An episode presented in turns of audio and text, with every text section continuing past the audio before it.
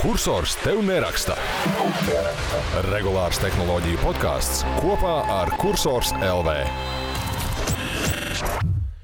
Esiet sveicināti, ko kursors to neraksta regulārā tehnoloģiju podkāsta 25. svinīgajā epizodē, kas tika ierakstīta 24. februārī. Slava Ukrāņa. Studijā esmu es Kristaps, un šai sarunai mums ir pievienojušies arī Jurģis, Henrijs un Ansis. Liels bars! Sveiki! Čau! Čau, čau visiem! Pusgadiņš mums ir. Pusgadiņš. Jā, yeah! nu, kādas sajūtas ir? Tā godīgi. Godīgi es varu sākt. Es īstenībā esmu šokā, ja tā padomā, daudz 25 ir. Un uh, vienmēr ir ko pateikt. Un ir ups and downs, ir pieredze, kritumi un tagad atkal uz augšu jāiet. Tas, man liekas, mēs te, ja mēs tā paņemam uh, liriski šo visu pasākumu, tad mēs sākām ļoti strauji, ja drīkst atkāpi nelielu. Un uh, kā tur bija tā kā orķestrī, jāsāk strauji un jābeidz kopā. Ne tikai orķestrī, bet nu, šur tur citur dzīvē arī. Par to straujo sākumu bija tiešām tā, ka ideja par podkāstu veidošanu mums galvās bija nu, ļoti sen. Un Henrijs ir izteikti uh, pirms viena gada, pirms diviem gadiem kaut ko pieminējis, ka vai taisam to podkāstu. Man kaut kā visu laiku likās, ka fuck, nu, tas jau noiet etaps, un ko nu mēs tagad atkal taisīsim to podkāstu. Bet kaut kā uh, saņēmāmies, un man ļoti gribējās pievilkt uh, tieši tā kā septembrī mēs sākām ar skolas gadu uh, ar to Apple pasākumu. Un, un tev, man bija reāli nedēļa, pusotra sadabūt aparatūru, sadomāt, kā mēs vispār to visu darām, konceptu izdomāt. Un vislielākais man patīkamais, arī pārsteigums ir tas, ka mēs esam spējuši uh, regularitāti nodrošināt. Ņemot vērā, ka mums ir dalībnieks nevis es viens kā pirksts vai kāds no jums, bet Mēs tiešām nu, bariņā, vairāk vai lielākā vai mazākā bariņā, vienmēr esam spējuši regulāri izlaist. Es speciāli apzināti izziņojot šo podkāstu, negribēju likt iknedēļas. Tāpēc arī es liku regulārais, jo nu, man jau nebija nekur jāpasaka, kādas regularitātes, bet nu, nedēļu mēs esam spējuši noturēt. Un, ja mēs no pusgadu, 25 epizodes šādi varējām nomaukt, tad es domāju, ka varēsim arī uz priekšu, vismaz līdz vasaras pauzītēji, to mēs gan laicīgi sakām uzreiz, varēsim nodrošināt arī šādu regularitāti. Vismaz mēs centīsimies. Tāpat arī skatos, ka uh, cilvēki arī arvien vairāk arī klausās. Tagad nu jau katru epizodi noklausās vairāk nekā, vairāk nekā 500, 600, pat 700 cilvēki noklausījušies, nu, vai reizes noklausītās. Uh, tas, kas vismaz Spotify pusē rādās. Pieņemu, ka, vēl, ja, ja pieliktu klāt vēl pārējās platformas, būtu vairāk. Un, lai arī pa laikam ir um, klausītāji, kas kā, ieminas, ka oi, tā pusotra stunda vai ārprāt divas stundas ir par garu. Visi dati, visa statistika, tas, ka arvien vairāk klausās gan esošās, gan vecā, iepriekšējās epizodes, liecina, ka tas tomēr nav dealbreakeris. Kā jums pašiem ar to ilgumu epizodu sajūta ir? Es uh, varbūt pateikšu, ka es, es gandrīz vienmēr, nē, es laikam esmu noklausījies visas sarunas, jo man, protams, patīk savu balsi. Uh, bet, uh, ko es varētu pateikt par šo epizodi? Droši vien jāpabrīdina, ka šajā epizodē mums ir arī viesis. Un viesi mēs šobrīd, šoreiz ielikām, vismaz vienojāmies ielikt pašā aizmugurē, pašā beigās, jo viesa intervija ir uh, drusku pagara, Jā. bet uh, noteikti ne, neinteresanti. Starp citu, uh, iepriekšējie viesi ir bijuši nu, Kristapa izvēle, bet eh, šoreiz es pa, pateikšu, ka šī izvēle ir bijusi gandrīz mana izvēle vai kaut kas tāds. Nu, Kristapa izpildījums. Jā, nu, noskatīts internetā. Es domāju, ka uzreiz arī pateikt, jā, ka mums šoreiz būs viesis Aivars Mējers, kas noteikti ir manīts internetā daudziem no mums. Ar viņu tas stāsts ir tāds, ka tātad, eh, nu, Čalis e, pēdiņās iepriekšējā dzīvē bija korporatīvajā darbā diezgan uh, krūtis šiška menedžeris. Un tad viņš izdomāja, ka ah, taisīs aplikācijas, mobilās lietotnes tieši Apple platformai un kļuva par free, free, freelanceri. Ja? Kā Latvijas freelanceris pārsaka? Noteikti, noteikti ir latviskojums. Lijānai Langai būtu brīvmākslinieks. Brīvmākslinieks, jā, varēsim to tā teikt. Un tiešām es aizrunājos ar viņu labu, labu gabaliņu, un tā saruna ir gara. Tāpēc arī beigās šoreiz mēs viņu ielikām. Bet ļoti interesanti pastāsta, ka nav viss tikai puķītes un rozītes šajā brīvmākslinieka izstrādātāja dzīvē. Ļoti rekomendēju noklausīties. Un, protams, ja jums ir kaut kādi ieteikumi cilvēkiem, ko noteikti būtu jāaprunājas, droši podkāstu komentāros vai dabūjiet mani vai kādu no autoriem rokā un, un vienkārši iesakiet. Un kopā mēs jau taisām šos visus pasākumus. Nu, lūk. Vēl Interesanta lieta, kas šajā 25. epizodē mums, mums ir parādījusies pirmā maksas reklāma šajā podkāstā. Es īsumā izskaidrošu, kāda ir mūsu vīzija, kā mēs gribam šos te, nu, reklāmiņas darīt. Tātad šajā gadījumā, tad vairākās epizodēs priekšu mēs pareklamēsim godīgi, godprātīgi kādu jaunu telefonu, kas ir tepat iznācis. Un tātad es, tas, tas, ko esmu izdomājis kopā ar komandu, ka mēs šos reklāmas integrācijas atdalām ar, ar skaņiņu atsevišķu, un arī pat fona mūzika šīs reklāmas brīdī, ko es arī ierunāšu, vai kādreiz kāds varbūt cits no mums būs cita. Attiecīgi, tu nekad nesajauksi, kas ir mūsu podkāstā reklāma un kas ir nu, šis oriģinālais saturs. Un tā kā mēs paši ierunājam šo reklāmas tekstu, tad patiesībā nu, tas ir ļoti oriģināls, saturiski ierunāta reklāma. Pamēģināsim šādu veidu. Pasaulē tā dara. Nav nu, obligāti vienmēr jātaisa kaut kādi šie jingliņi, kurus tu reiz gribi patīt prom. Pamēģināsim, kā tas darbojas. Un es domāju, ka nu, sākam uzreiz ar, ar to reklāmas gabalu, lai tas darbiņš ir izpildīts un lai mēs varam doties tālāk mūsu ikdienas tēmu apskatā. Sarunāts, kungi! Let's go! OnePlus tehnoloģiju produktu zīmols tika radīts pirms deviņiem gadiem, un noteiktās aprindās tas ir ļoti labi zināms kā lielisks veiktspējas un cenu attiecības ierīču ražotājs. Viņi sākotnēji izlaida tā saucamos flagmaņu nogalinātājus, jeb flagship killers telefonus. Tātad tie bija flagmaņu veiktspējas stiprinieki par krietni pieejamāku cenu. Man pašam ir bijuši vairāki šī zīmola telefoni, un es lieliski zinu, ko runāju ir klāti jaunākais šī zīmola vietārunis OnePlus 11 5G. Tas ir premium klases flagmanis, kas pieejams melnā krāsā vai viegli dūmakaini zaļā tonī, ko OnePlus paši sauc par Eternal Green. Starp citu, melnā versija ir viegli matēta. Tad telefons ne tikai izskatās satriecoši labi, bet neslīd laukā no rokām. OnePlus 11 ir alumīnija rāmis un ierīces var patīkamus 205 gramus. Tas nav maz. Kad šo telefonu mēs paņemam rokā, uzreiz sajūtam, ka tā ir patiešām pamatīgi uzbūvēta ierīce. Nekur nav pazudusi arī šī zīmola firmas zīme - fiziska skaņas profilu pārslēgšanas svira. Šī telefona ļoti izteikti kvalitatīvais Fluid AMOLED displejs ir pārklāts ar Corning Gorilla Glass Victus aizsargstīklu. Kāpēc nosaukumā vispār figurē vārds fluid? Tas tāpēc, ka displejs spēj nodrošināt 120 Hz atsvaidzes ātrumu. Bilde ir plūdena kā liegi kūstošs svieksta pikucītis uz pannas. OnePlus 11 5G ir saņēmis IP64 aizsardzību, kas pilnvērtīgi pasargā pret putekļiem un ūdens šļakstiem. Uz šī telefona korpusa īpaši izceļas arī kameru bloks, bet par to jau nākamajā reizē. Ja nākamo reizi sagaidīt nav pacietības, tad piezīmēšu, ka jauno OnePlus 11 5G var pasūtīt no ražotāja mājaslapas oneplus.com, kā arī tepat lokāli iegādāties pie Bites un Tele2. Nu, kā jums patika? Uzreiz gribējās iegādāties šo telefonu. Par to eleganti, eleganti. Jā. Sviesta pikucītis eh, patika, ja? Es jau pats nedaudz izkusu, klausoties šo samtaino balstīm un alegorijas. Jā, nu, nu, tā, bet tāda doma arī ir, ka uh, sadalīsim šos dažus raidījumus par tām dažām featurēm. Nākamajā reizē tiešām par tām kamerām parunāsim. Jo, nu, tā kā Jurģis arī ir testējis šo tikko telefonu, tad tur arī to ir rakstīts, ka ļoti izceļas šis kameru bloks. Varbūt darām tā, ka skaidrs, ka mēs tagad neturēsim vairākas nedēļas gatavu šī te telefona apskatu, nepublicētu, bet drusku varbūt ietīzo. Sataisi kaceklīti, tā kā baigi neatklājot visu par šo telefonu, kā tev bija testējot tās sajūtas, bet um, kāda tie iespēja bija? Jurģi? Nu, ko, uh, pirmkārt, man bija milzīgs prieks atkal tikties ar uh, OnePlus, jo pagājušajā gadā, diemžēl, pie 10 Pro mēs netikām. Toties Ansis testēja 10T versiju. Un, ja mēs paskatāmies uz pagājušo gadu, tā 10T versija, nu, jāteic, ka tur nedaudz, nedaudz ražotājs bija apmaldījies piecās priedēs, tā teikt, identitātes meklējumos. Un tad savukārt šogad ar OnePlus 11 es varu teikt, ka šī identitāte atkal ir uh, atrasta, un atkal viņi ir tā teikt uz uh, vecas, jaukas takas uzkāpuši.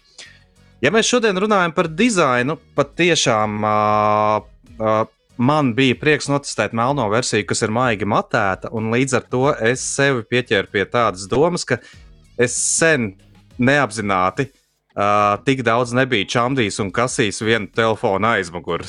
Cik ļoti patīkams ir šis materiāls.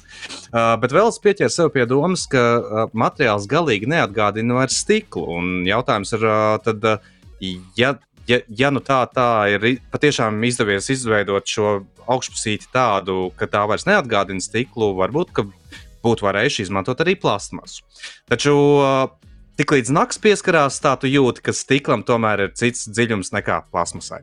Uh mhm. -huh. Protams, pie, pie dizaina ir jāpiemina skaņas profils, jo tā ir stelīte, ko mīl visi vecie OnePlus fani.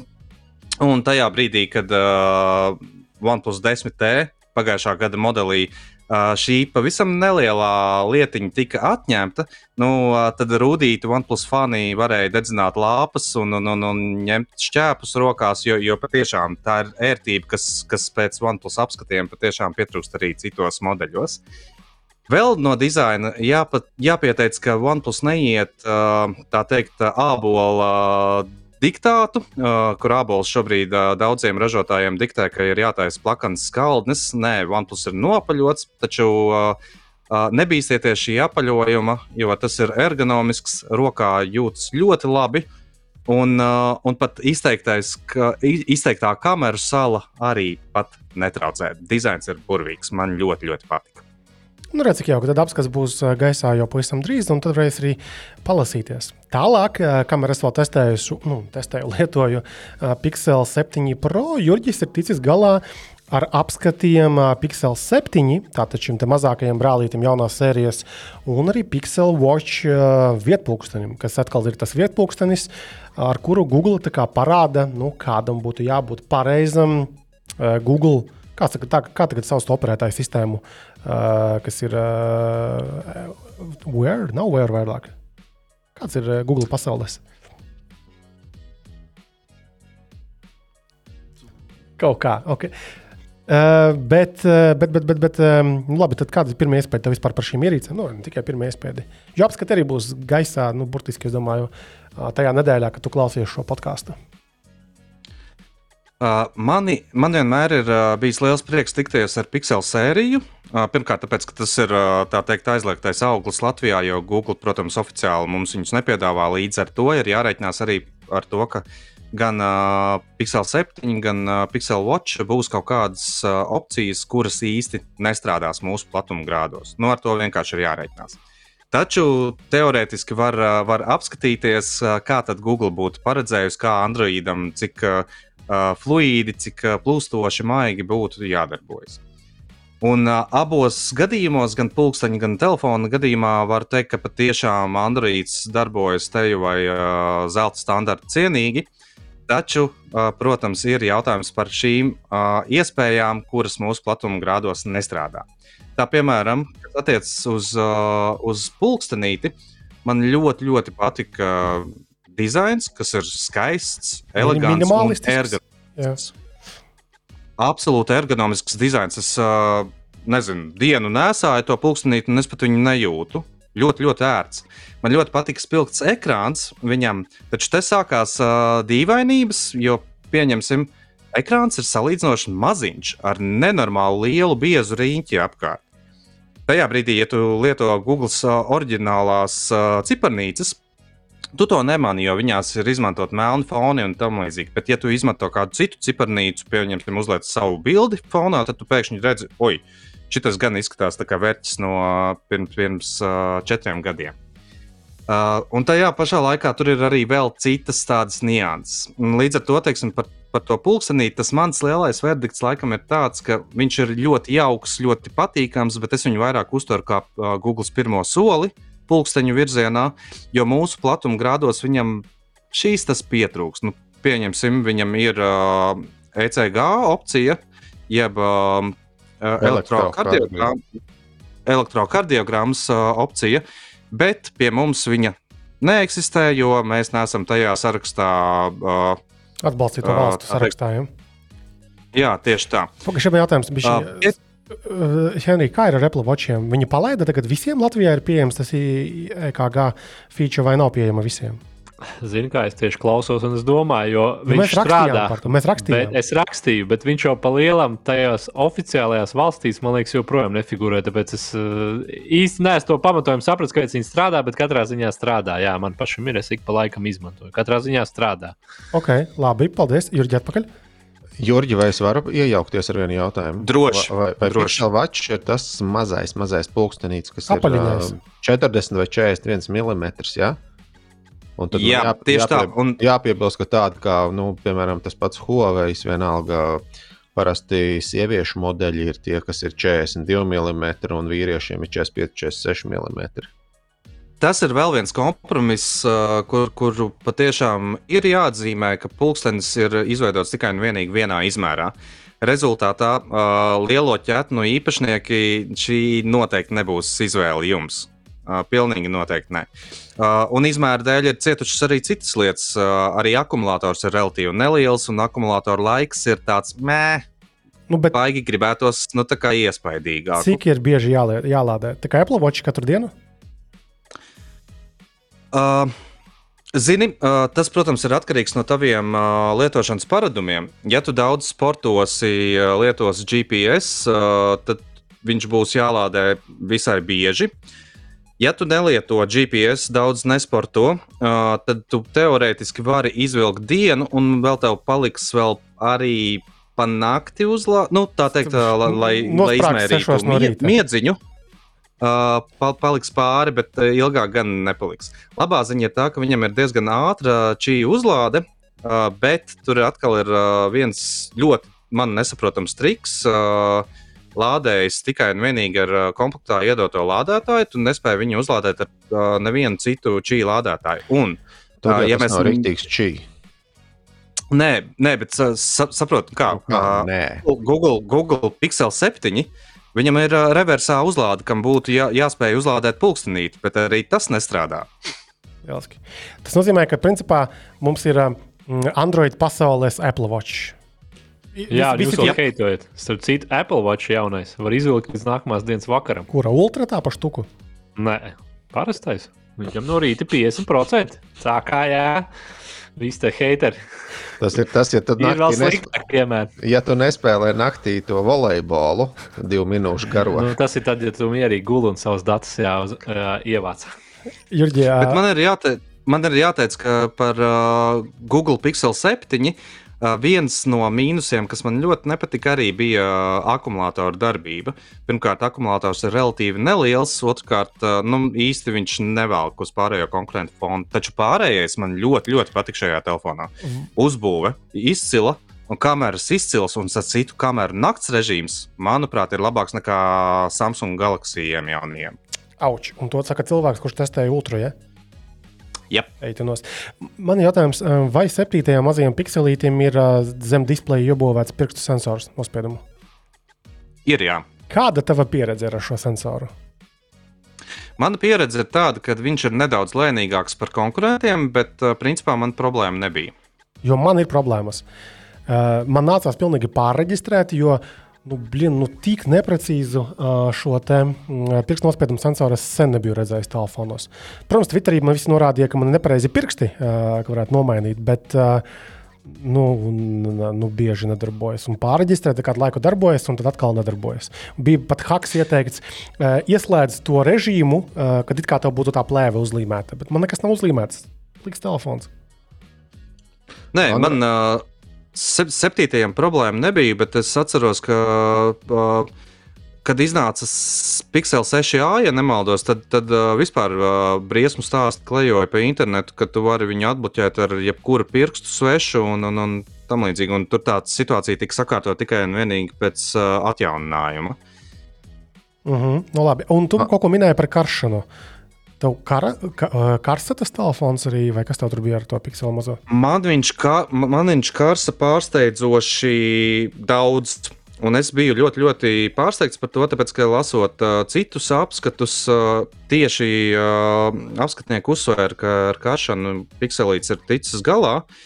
Uh, tāpēc es pieļauju, ka iespējams, ka tā tomēr varētu būt šī konkrētā testa ierīce, kas bija manās rokās. Ja, ja citiem uh, nav šādas lietas, vēl pie vainas varētu būt arī uh, daļēji programmatūra, kura varbūt līdz galam mūsu platumgrādiem nav, nav pielāgota, jo jārēķinās arī ar tām uh, lietām, kuras uh, uh, neakceptētā programmatūrā nav pieejamas. Piemēram, uh, Latvijā tu nevari uz pikseļa lietot 5G.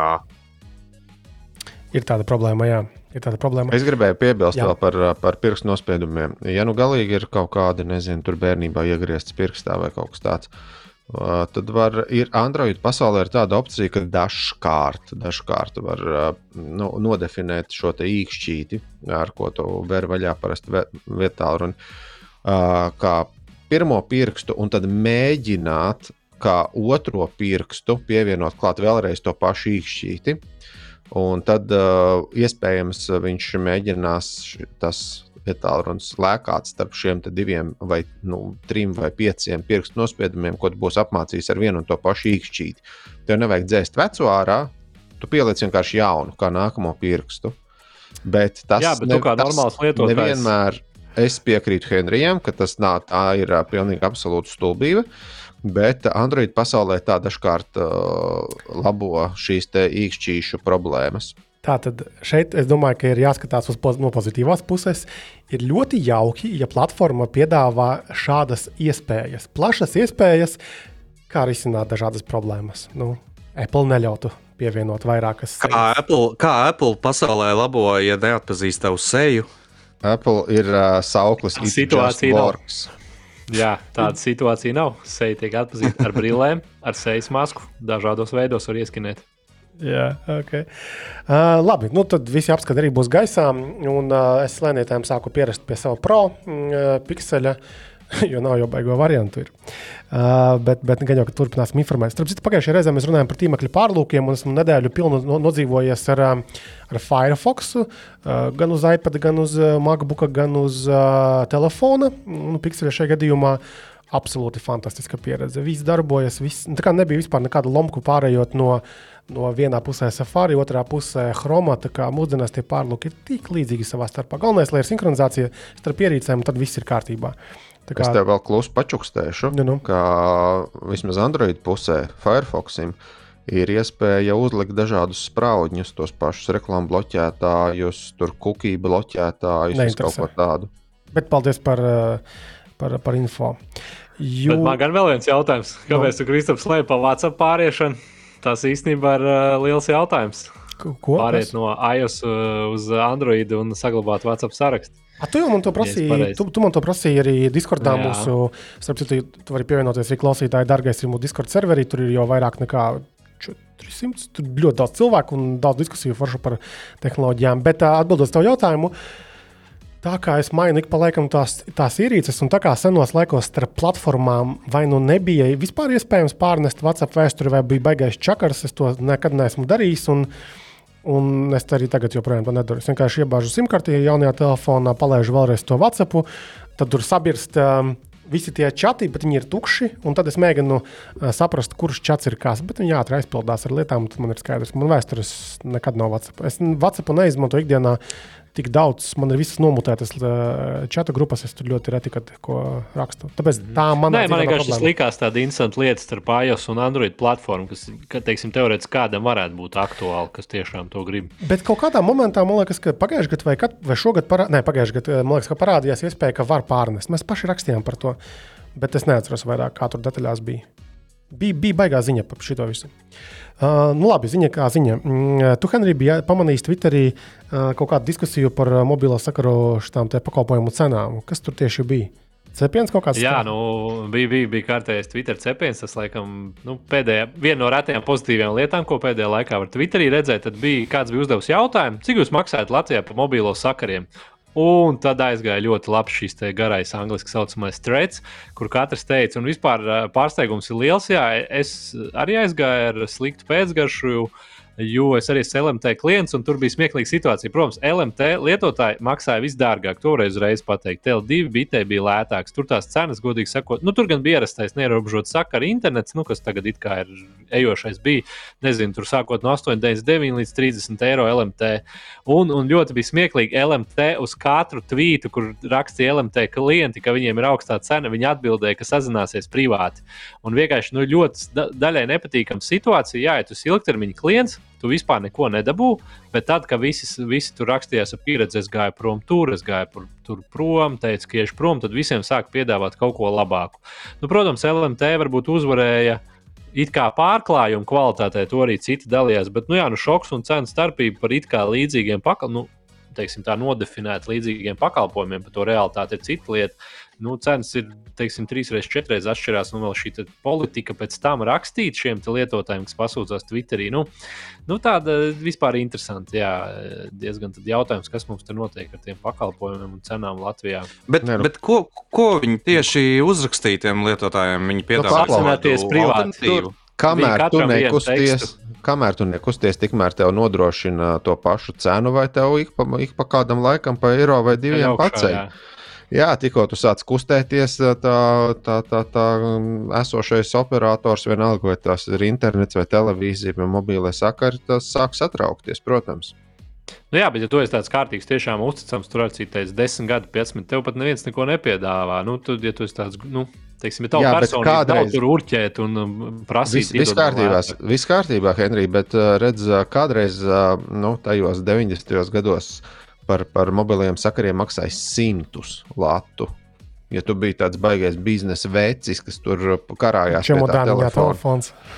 Jā, un tad tev, tad tev to krūzīti atsūtīja Baltkoms vai kā nu tur tajā mirklī viņi saucās. Bet uh, šobrīd jau tu maksā, nu, paskaties, kas ir citi vieta, kaut vai Eiropā. Tev nav, nav jāskatās uz ASV vai Kanādu.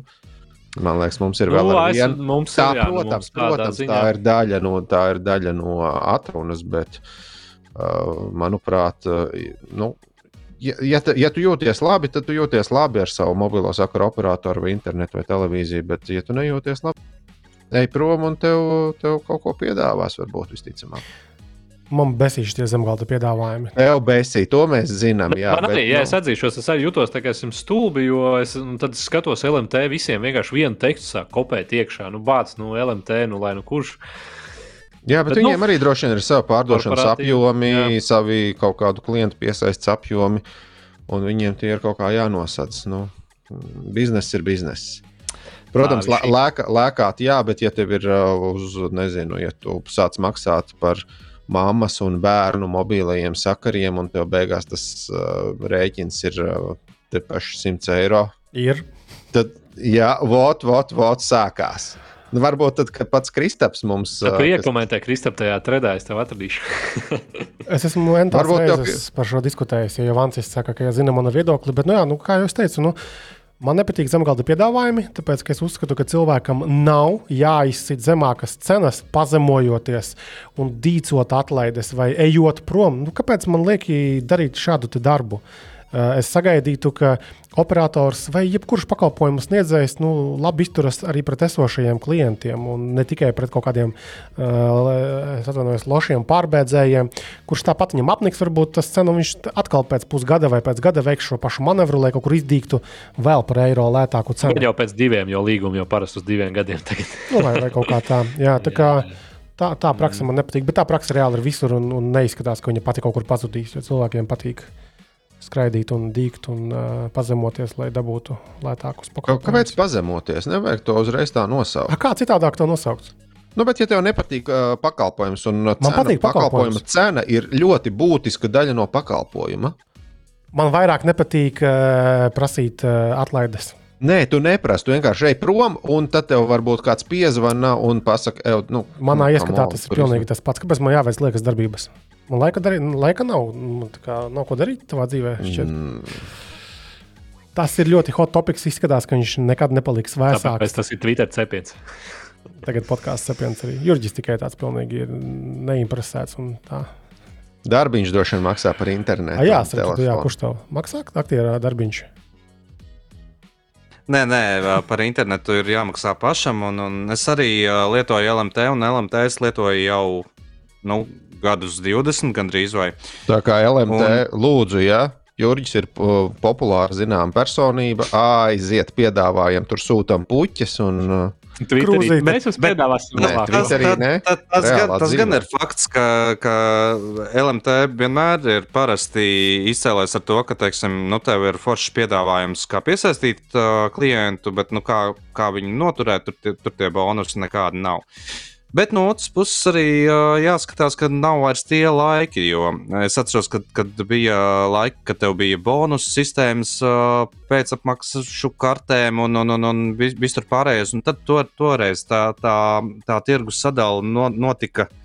Nu, man negribas teikt, agresīvāka, bet uh, viņa bija daudz, daudz aktīvāka. Šobrīd viņa vairāk, uh, protams, balstās nu, citos pakalpojumos, pat, pat, pat ne tajos uh, tajos pa, pa pāris cilvēciņos, kur, kur to tā kā, nu, tā teikt, individuālajos uh, cilvēciņos. Lai, Bet, lai, jā, labi, pabeigts, es atvainojos. Nē, būtībā es esmu pabeidzis, bet, uh, bet uh, jāteic, ka es LMT vienmēr esmu izvēlējies, tāpēc, ka piesaista pirmkārt uh, uh, nu, vietējam uzņēmumam daļēji, Uh, un otrkārt, arī tāpēc, ka kvalitāte parasti tomēr ir kaut kādā ziņā bijusi labāka. Jo, ja neizmantotu Lab. LMT, tad visdrīzāk šajā sazvanā nevarētu piedalīties, jo kuldīgā nebūtu zonas. Nu, pagai, labi, tieši tagad, tā. Tagad tieši es grib... tā. Es šobrīd es... arī izmantoju 5G hotspotu. Wow. Super. Es gribētu pareklamēt, ja mēs te drusku nolikām LMT, tad es gribētu šajā pašā virzienā pēdiņās pareklamēt Tele2 jo man ir bijusi piedzīvojumi arī ar Tele2. Viens ir no tiem, ka es pieteicos pāriet uh, uz Tele2. Un uh, viņi, jā, man te Kristaps uh, krata ar mazo pirkstiņu. Bet viņi vienkārši pazaudēja līgumu, ko es biju parakstījis uh, no kurjeru palīdzību. Tu kurjeru otrā, vainīgs?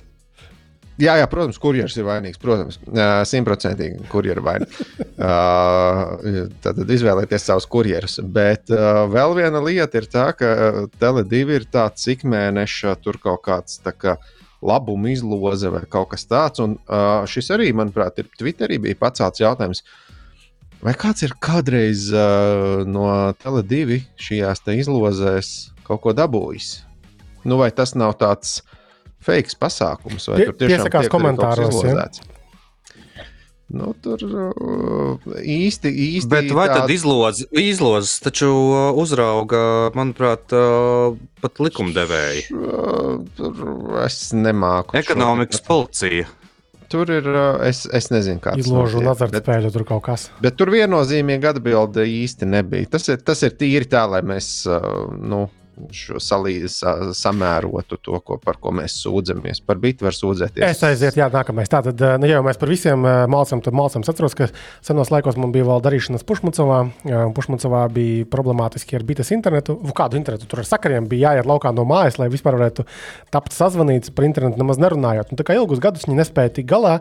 Atcīmredzot, mēs tur pušmitā pārāk maz dzīvojām, cilvēki, lai varētu iespringt. Un tad kaut kādā momentā, kad es laikam jau vai nu tinos prom no bites, eh, atpakaļ uz LMT vai plānoju, kaut ko viņi laikam tur bija kaut kā sakrita, ka ir uzlikts raidītājs kaut kādā blakus ciematā, kas uzlaboja šo visu lietu. Un man liekas, ka viņi man atsūtīja, gribēja torti kaut kā, tā bija vasaras kaut kāda karsta diena. Nu kā, ar, pilnīgi ar tekstu, ka pušmitā beidzot arī ir uh, tur internets vai, vai, vai sakari. Bet kaut kur in transition tā torte pazuda. tā kā es redzēju bildi, jā, kad tiek izsūtīta, bet es tā nekad nedabūju. Tas ir pats tās Sanča tevējas par tiem kurjeriem.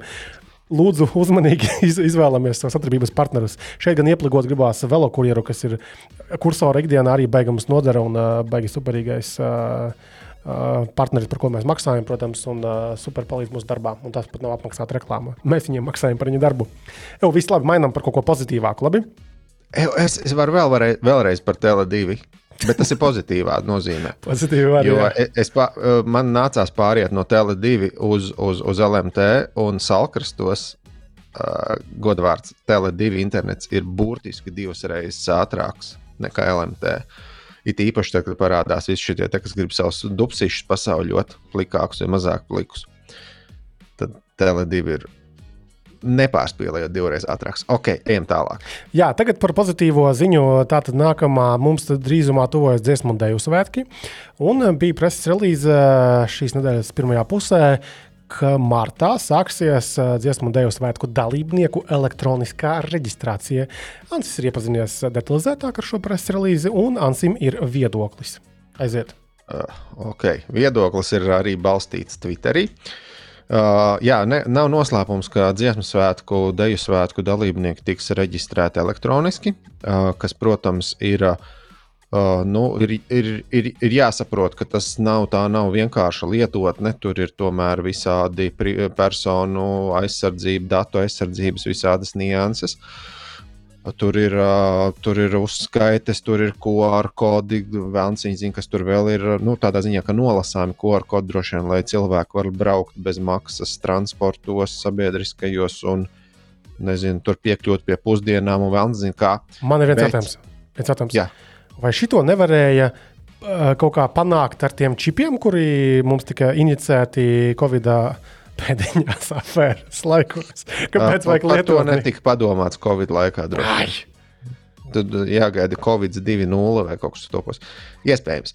Uh, bet uh, šī ir tā kā pozitīvā daļa, jo, nu, protams, uh, ir uh, droši vien šos svētku dalībniekus vienkāršāk ir uzskaitīt lietotnē, nevis kaut kādā Excelī, tur iesniegtos sarakstos no uh, no katras šīs deju grupas vai dziesmu nu, ko, koru vadītāja. Nu, tas ir droši vien pilnīgs murgs no cilvēku resursu viedokļa, kas apstrādā šos datus. Protams, ka katram atsevišķi pieteikties ir nu, kaut kā saprātīgāk mūsdienās. No otras puses, Twitterī bija jautājums, ka atkal, atkal Twitteris, atkal negācijas, ka nu, šī lietotne būs, nu, šo lietotni izstrādā ZZ dati, ZZ dati vai kas. Nu, tas ir tas pats, kas Latvija, kas tagad ir Latvija GoVLV. Ja? Oh, no viņiem tur nevienmēr iet gludi. Bet uh, Twitterī bija jautājums par uh, izmaksām. Un uh, lietotnes izmaksas ir uh, starta izmaksas lietotnes sagatavošanai bija ap 200 tūkstošiem eiro, un pēc tam dziesmu svētku uzturēšanas laikā bija 100 tūkstoši šī apkalpošana. Twitter par, saka, par mazu? Es, es domāju, ka mm, 200 tūkstoši izstrādēji varētu būt pieņemami. Jo tur, tur tomēr ir cilvēku stundas iekšā, un, un, un, un, un programmētāji nestrādā par minimālo algu. Uh, par 100 tūkstoši eiro uzturēšanai tīri dziesmu svētku laikā baigi grūti spriest. Jo tomēr nu, šī, nu, es, es teiktu, ka izstrādēji 200 tūkstoši varētu būt pat maz. Jo tur tomēr viss šie te, Uh, sa sasaistas ar uh, kādiem pakalpojumiem, vēl ekstra, kas tur nāk klāt ar to pašu sabiedrisko transportu. Es, es nezinu, ko viņi tur nodrošinās.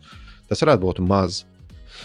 Bet uh, 100 tūkstoši par uzturēšanu uz nedēļu, vai cik nu tur divām nedēļām dziesmu svētku laikā, man tas šķiet paskārbi. Bet, nu, droši vien kopā tas varētu būt uh, fair enough. Bet tāpat tur jābūt. Protams, privātam, uh, privātam lietotājiem, privātam uzņēmumam 300 tūkstoši nomest par, par lietotni un viņas uh, tās nedēļu vai divu darbību ir uh, baigi skarbi. Uh, Bet tiek solīts, ZZ dati sola, ka šī lietotne kaut kādās formās būs izmantojama arī tālāk, citos, varbūt ne, aiz, ne, ne nākamajos piecos gados. Nu, tādā ziņā, ka nebūs šī pauze, pieci gadi līdz nākamajiem dziesmu svētkiem, vai cik nu tur ir četri gadi. Piedodiet, es nezinu. Uh, Pieci, bet, bet ir jau bērnu jauniešu dziesmu svētki vēl. Nu jā, kad, uh, bija solījums, ka tiks izmantot citos sabiedriskos pasākumos, uh, kuros arī vajag nodrošināt kaut kādus papildus servisus šiem dalībniekiem. Tā kā, manuprāt, uh, 300 tūkstoši izklausās beigts daudz, bet varētu būt, ka tas tomēr nav tik nenormāli daudz. Nu, Galvenais, kā mēs droši vien marta sākumā redzēsim, daudzos visādos pakalpojumos, ko mums sniedz Latvijas Republikas visādi vidi un tā tālāk nu, vai tas strādās, vai tādā ziņā, vai būs uh, serveri noslodzes. Bet idejas, ka sanāk, ka būs tāda uh, nu, digitāla karte, nevajadzēs tā kā iepriekš kaut kādu banku sadarbojās. Es no savas pieredzes zinu.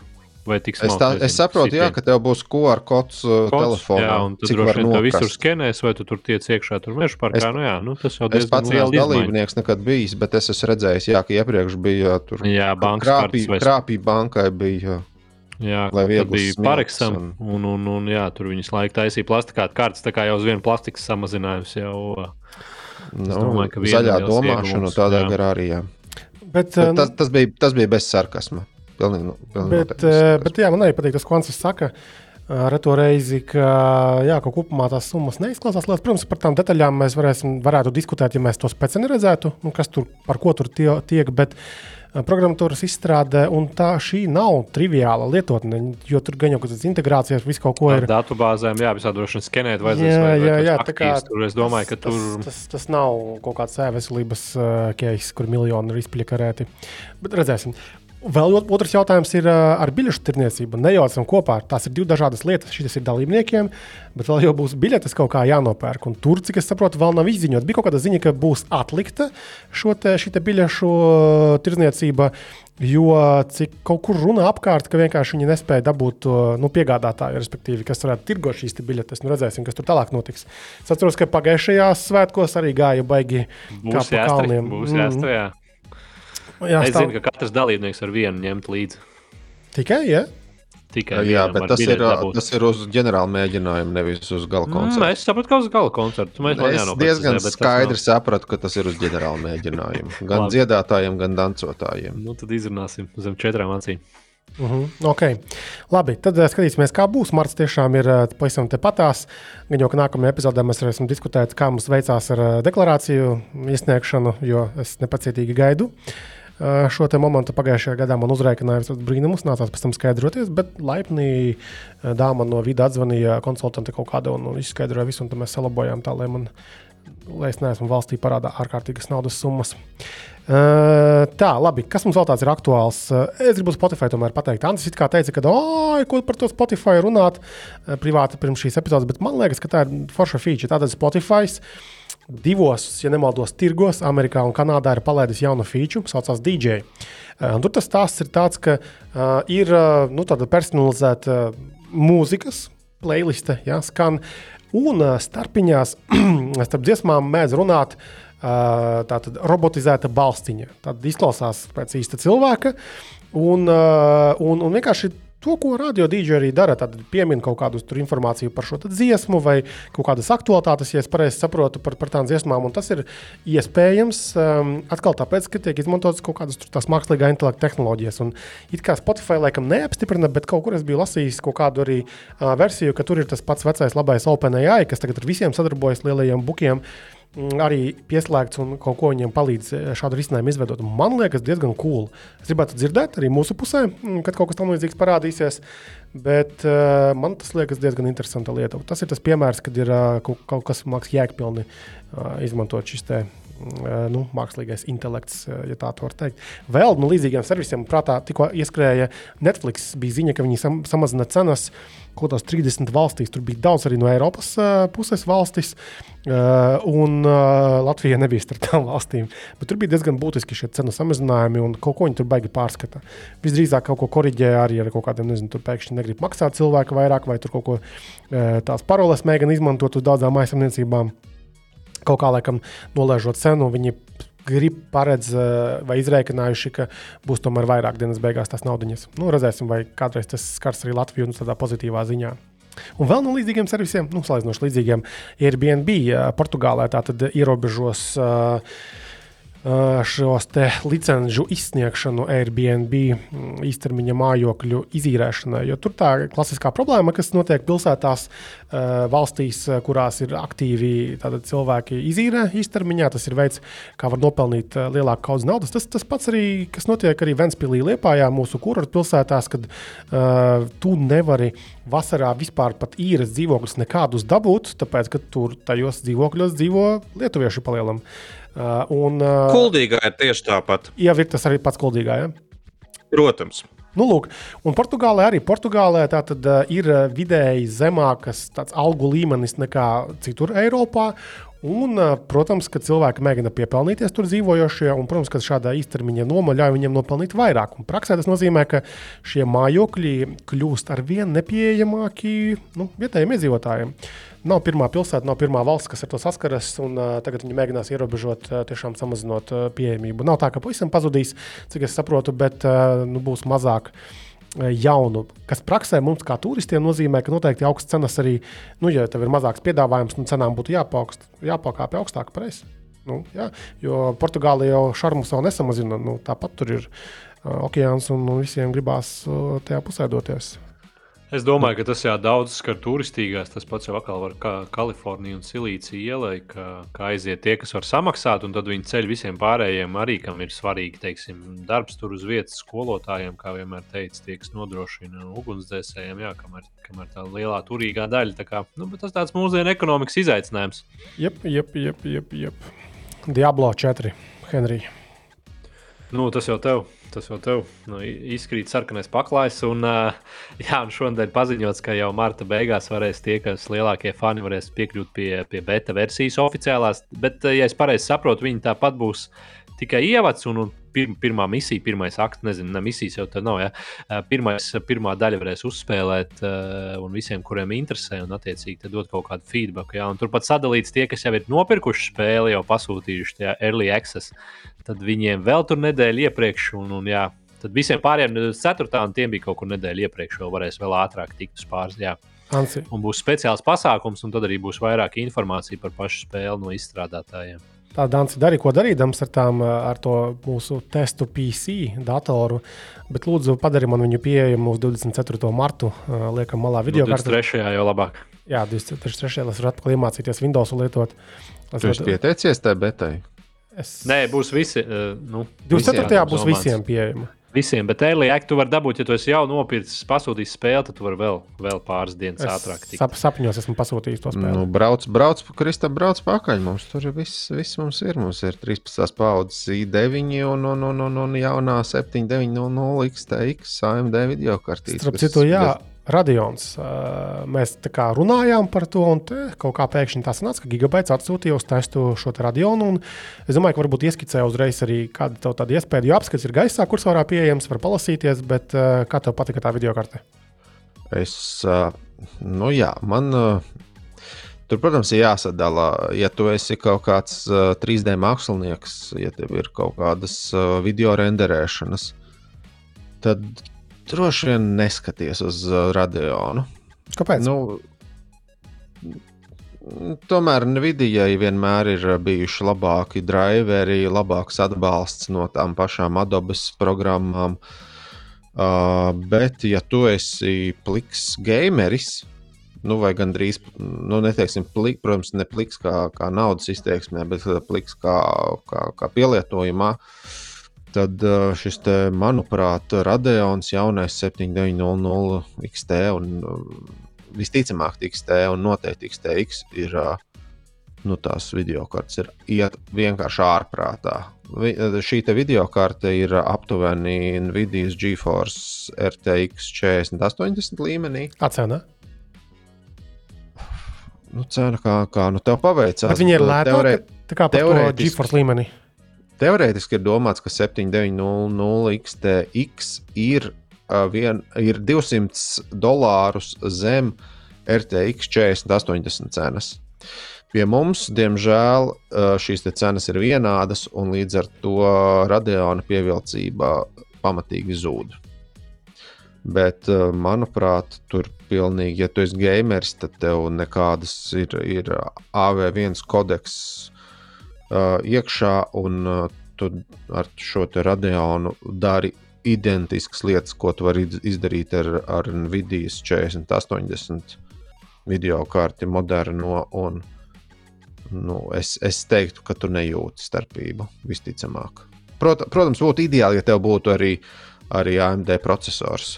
Tad tu iegūsti vēl kaut ko klāt.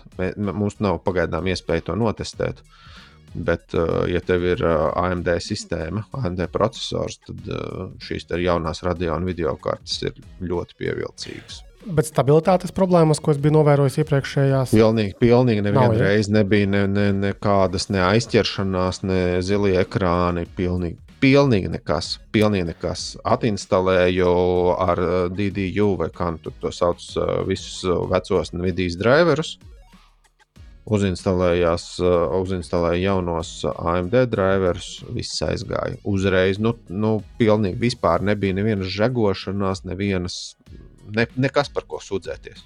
Spraud okay. iekšā lieto. enerģijas patēriņš.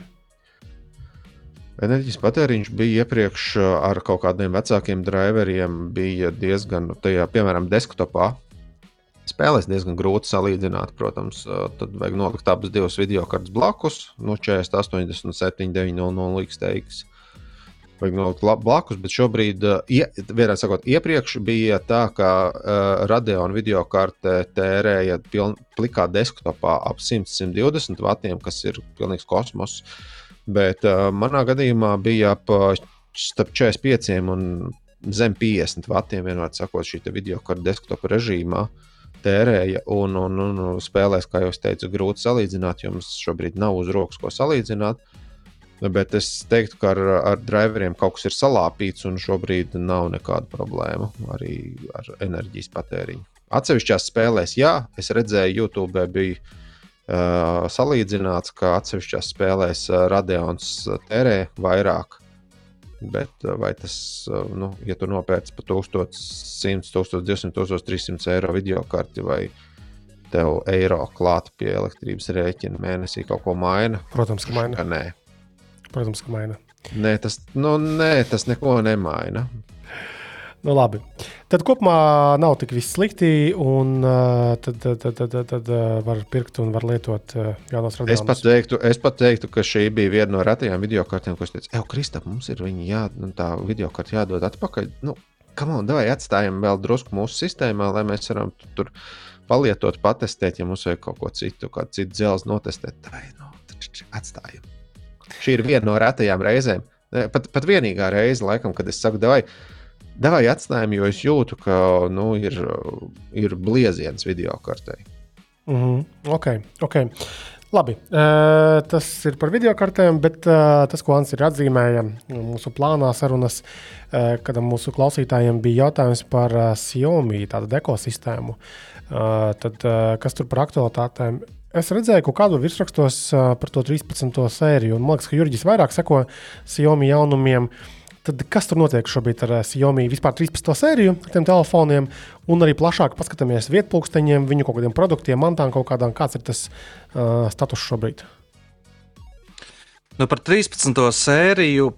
Pirmkārt, ā, ja runājam par ā, kontekstu, ir jā, jāpiemina viens liels ā, no, notikums, kas šajā nedēļas nogalē notiek mobilajā industrijā, un tas ir MVC 2023. Jeb Mobile World Congress, kas ir liela, liela izstāde. Līdzīgi kā mēs pirms tam agrāk runājām par CESU, tad MVC tad ir otra lielā izstāde. Un uh, nedaudz, nedaudz iemetīšu āķi uh, kalendārā. Uh, te gan ir jāņem vērā, ka podkāsts tiek ierakstīts ceturtdien, uh, podkāsts gaisā iet svētdien, līdz ar to tad, uh, tā tad uh, ir jau, jau sācies uh, būtībā šis MVC. Uh, Tātad uh, sestdien, uh, 25. februārī, HMD jeb Nokia uh, prezentēs savas jaunās lietas. Savukārt, uh, uh, svētdien, 26. februārī, uh, tiks prezentēts uh, Xiaomi 13. līnija. Šī līnija jau ir izlaista Ķīnā, bet uh, 26. februārī notiks tā teikt globālā brīvlaišana, un šī ir ļoti interesanta uh, līnija ar to, ka arī visticamāk tā nonāks arī mūsu platumgrādos, un beidzot mēs redzēsim, kā tad uh, sokas uh, Xiaomi un viņu laulībai ar Leica, jo viņi tiks prezentētas šīs viņu kameras. Tātad uh, Xiaomi 13 Pro tas nozīmē, ka viņiem būs integrēts arī viens cols sensors, kas ir ļoti interesanti. Jo pirms tam uh, to bija izdarījuši tikai, ja nemaldos, Panasonic, Sharp un Sony. Tad tagad uh, daudz metīsies iekšā šajos vienas saules sensoros, un uh, Xiaomi būs viena no pirmajām, kas to darīs. Un savukārt uh, Xiaomi 13, uh, līdzīgi kā pieņemsim uh, Galaxy S23, uh, savukārt būs tāds uh, kompaktais modelīts, kurš ļaus, uh, ļaus tā teikt, būtu viegli ieliekams kabatā un nesājams līdzi. Tajā pašā dienā būs arī uh, uh, OnePlus prezentācija, kurā tiks prezentēts OnePlus 11 uh, konceptu device, jeb uh, Uh, jau mūsu podkāstā pieminētā OnePlus 11 versija ar diodēm aizmugurē. Mm. Ko tās diodes darīs, nav ne jausmas, bet uh, daži, daži uzskata, ka, ka šis ir uh, kārtējais uh, Pīta Lau un Karla Peja duels, jo, ja reiz viens aizgāja no OnePlus un uztaisīja Nothing ar uh, 900 diodēm aizmugurē, tad otram arī tā kā vajadzētu. Un tad ir pirmdiena, uh, jeb 27. februāris, uh, kad Honor prezentēs savus uh, uh, Magic uh, 5 sērijas uh, tālruņus, uh, kur arī būs daudz, daudz, daudz jaunu tehnoloģiju, ko varēsim redzēt. Un savukārt 28. februārī redzēsim jaunumus no Realme, Tekno un ZTE. Bet uh, konkrēti par uh, Xiaomi, jā, tātad šodien, svētdienā, ja klausies šo podkāstu svētdienā, tad uh, ieej droši GSM arēnā vai kādā citā resursā un apskaties, patiešām šie Xiaomi 13. sērija būs pieejama visur.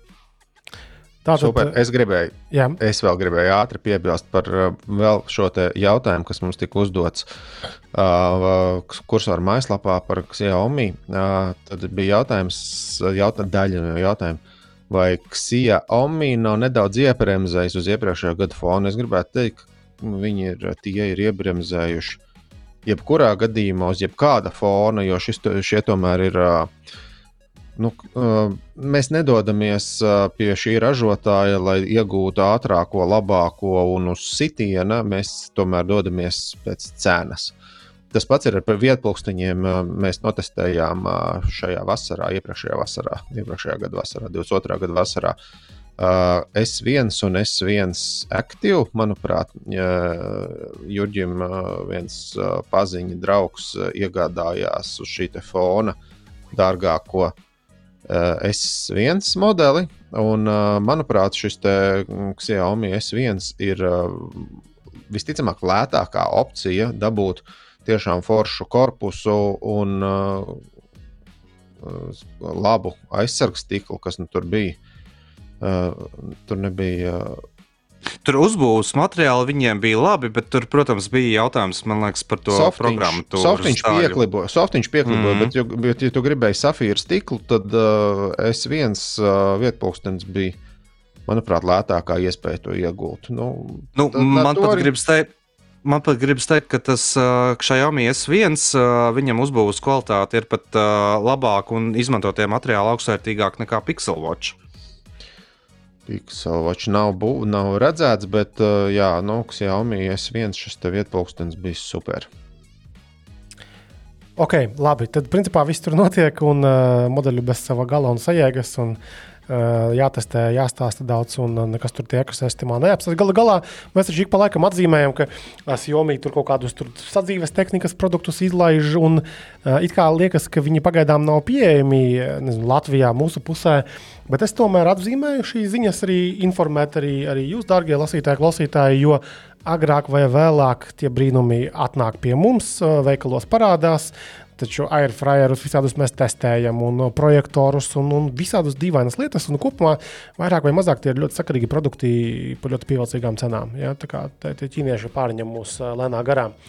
Um, tel telefonu nozarē neaizmirstiet, ka tajā brīdī, kad parādās tādi nosaukumi kā Redmi un Poco, tas pats šajā jaunī tas vien ir. Un putekļu sūcēju jomā un daudzās citās jomās. Vis, visur viņi ir Xiaomi kaut kādi atzari vai kaut kādas saistītās um, kompānijas. Labi, tad um, vai ir kaut kādas vēl tēmas, uh, kas, ko noteikti mums vajadzētu pieminēt uh, šajā reizē?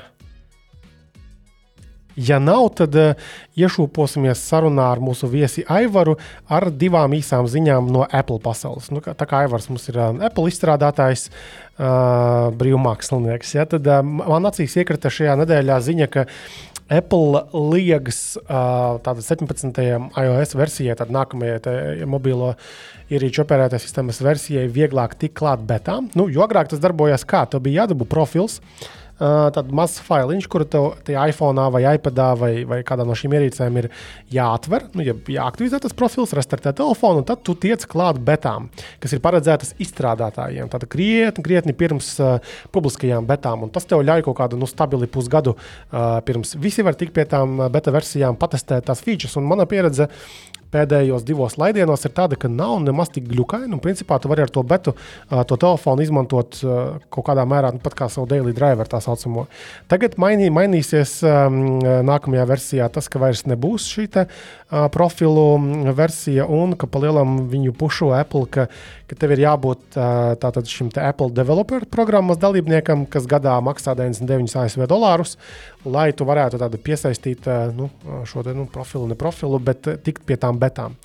Tā kā, vai tu, Henrij, būsi gatavs kaut ko tādu darīt, vai labāk sagaidīsi pilnās? Nē, nē, es sagaidīšu šo uh, of, oficiālo Open, bet public, public, public beta versiju. Jā, bet, uh, nu labi, nebija jau tā, ka pusgadu iepriekš tur vairākus mēnešus, bet, uh, zin kā īstenībā jau realitātē nav. Tas, tas ir itīgiem, itīgiem ar izstrādātājiem vai ir itīgiem, nu, fanbojiem. Pagaidiet, parasti to izziņo tātad VVDC, kas ir jūnijas. Jā, jūnijas sākums, jūnijas, kad jūlijas, ir tas augusts, septembris. Konferences un viņu kādā nākamā nedēļa. Nu, jā, kaut kur, un tad jau tās publika ir iepriekš jau kaut kādu mēnesi, vai es jau neatceros precīzi, jā, kad ir oficiālais release. Bet tu esi līdz betas. oktobrī. Ko tad? Tu esi betas līdz. Jā, es jau liku, es pēdējos divos gados lieku, tā kā nekāda vaina. Es tev piekrītu, izņemot, bija problēmas ar uh, smart ID, bija baigais čakars tagad. Bet pēdējos divos gados vispār ikdienā gan īsti nekāda problēma. Es tikai atceros, ka man bija mega lielais fails ar Apple Watch. Tātad es biju uzlicis betu iPhone, es biju uzlicis betu Apple Watcham. Uh, tad es norasitoju atpakaļ uh, iPhone uz, uh, nu, uz to versiju. Uz oriģinālo. Uz oriģinālo. Jā. Un tikai tad man pielica, ka fuck, es taču nevaru atpakaļ dabūt. Ne, es, pirmkārt, es nevaru pieslēgties Apple Watcham, jo viņiem ir augstāka versija nekā telefonam. Un es nevarēju, man bija atkal jāgaida, vai, vai, vai uz betu jālaiž atpakaļ, lai tiktu pie tā, telef, pie tā pulksteņa, un tas bija tāds normāls fails. Un kaut kāda iemesla dēļ es nevarēju telefonu vairāk, es negribēju telefonu atpakaļ uz to betu likt. Uh, bet tas bija tāds internets fails. Jo, tu, jā, es arī uz to uzrāvos, un es pēc tam dabūju tāpēc likt atpakaļ. Jā. Jo, tu, jā, jo, jo tu nevari to pulksteni nekā norisetot. Tu nevari viņu. Nevar downgradeot, jā, tas baigais stulbums, ja godīgi. Jo iepriekš varēju, šoreiz nevarēju. Jo es pat prasīju, ideāli šiem servisa džekiem. Viņi teica, ka nu, tas vairāk tā nedarbojas. Lūk, un, un kas mums vēl tur bija? Ah, vēl bija tāda baumu ziņa, ka 15. iPhone būs vairāk operatīvās atmiņas. Pro modeļos visdrīzāk būs 8 gigabaita operatīvās atmiņas.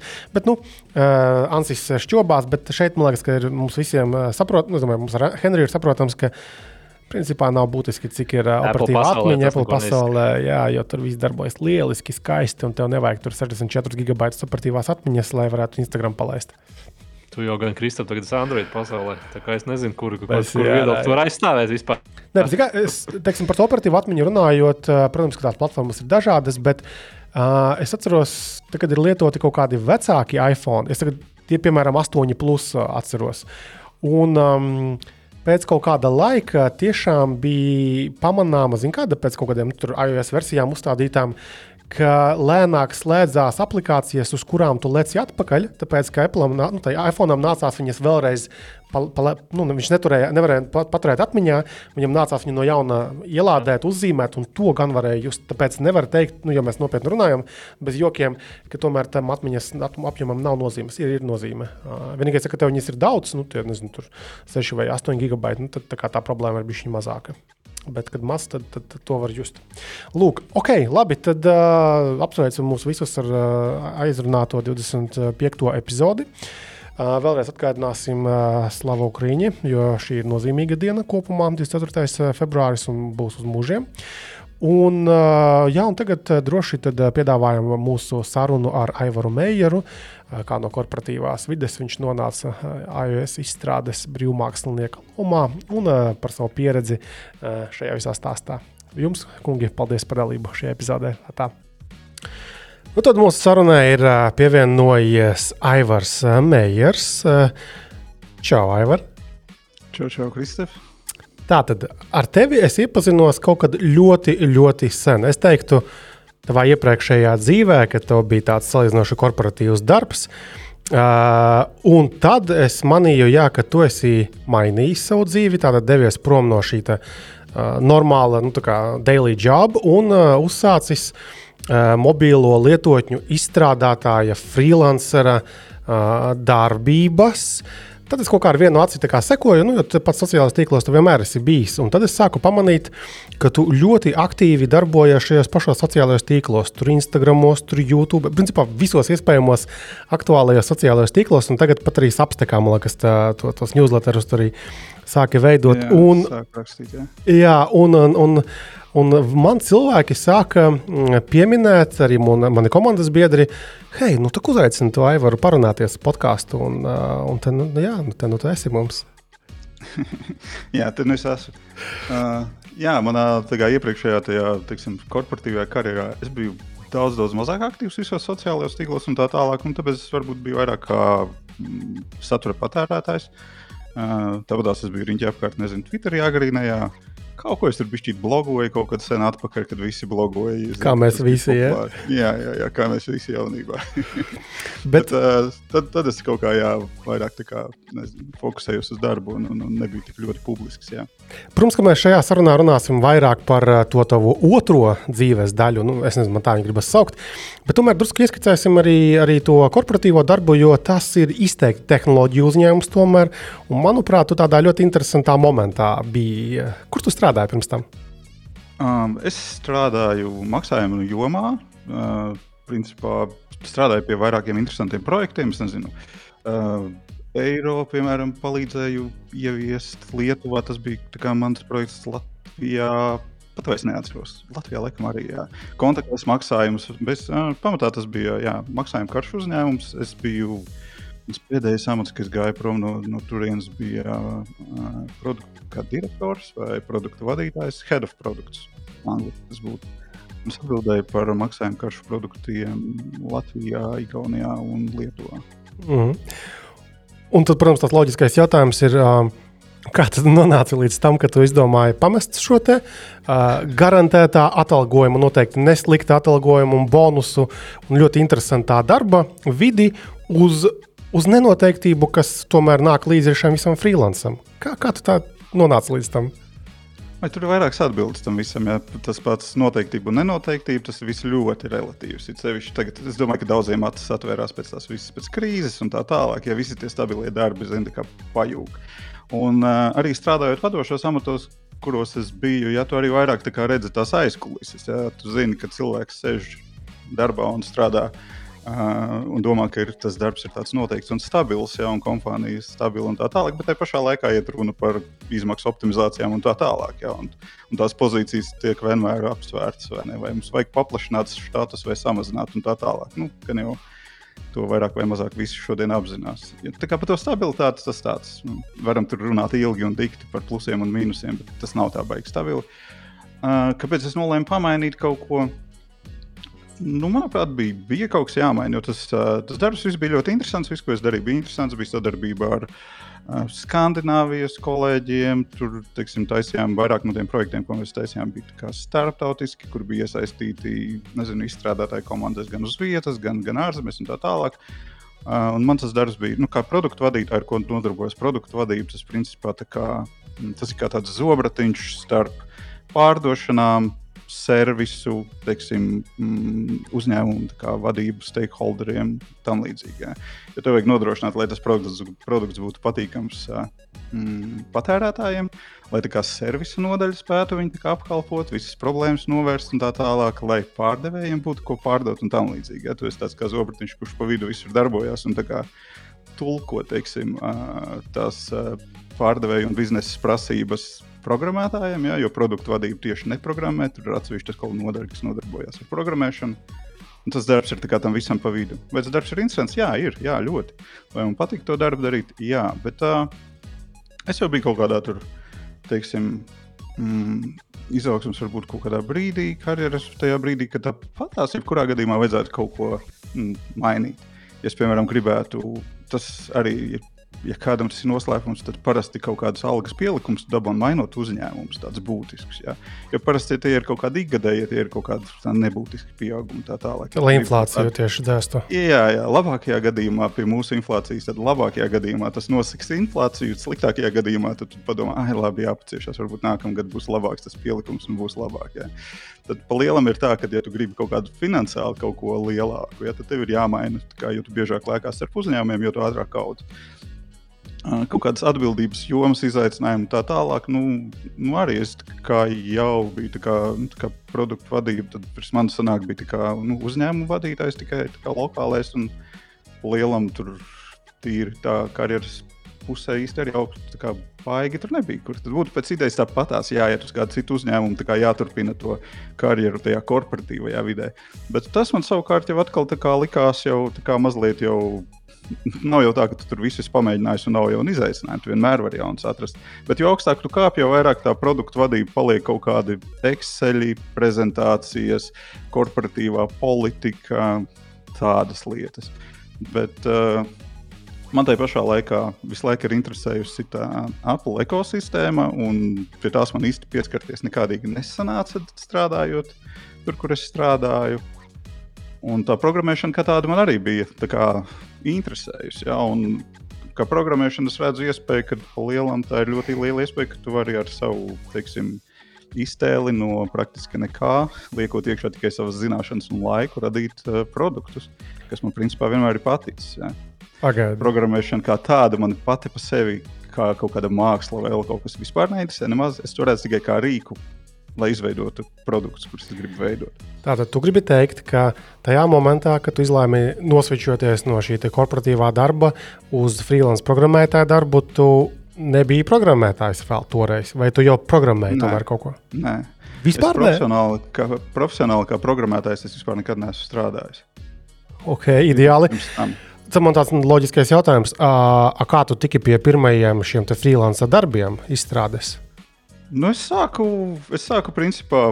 Uh, gan to, labi, man, teiksim, tā, man ir datorzinībās, man ir uh, datorzinātņu bakalaurs. Uh, es esmu teorētiski mācījies programmēšanu, bet mums augstskolas ir ļoti akadēmisks. Ja tu iemācies kaut kādus C, HTML, programmēšanas pamatus, un tā tālāk, principā, ja tev pašam interesē un turķējies, kaut ko iemācīsies, ja nē, tad tu dabūsi to computer science diplomu tā īsti arī neiemācoties programmēt tad es biju viens no tiem studentiem, kuram bija šis diploms, bet īsti programmēt nemācēju.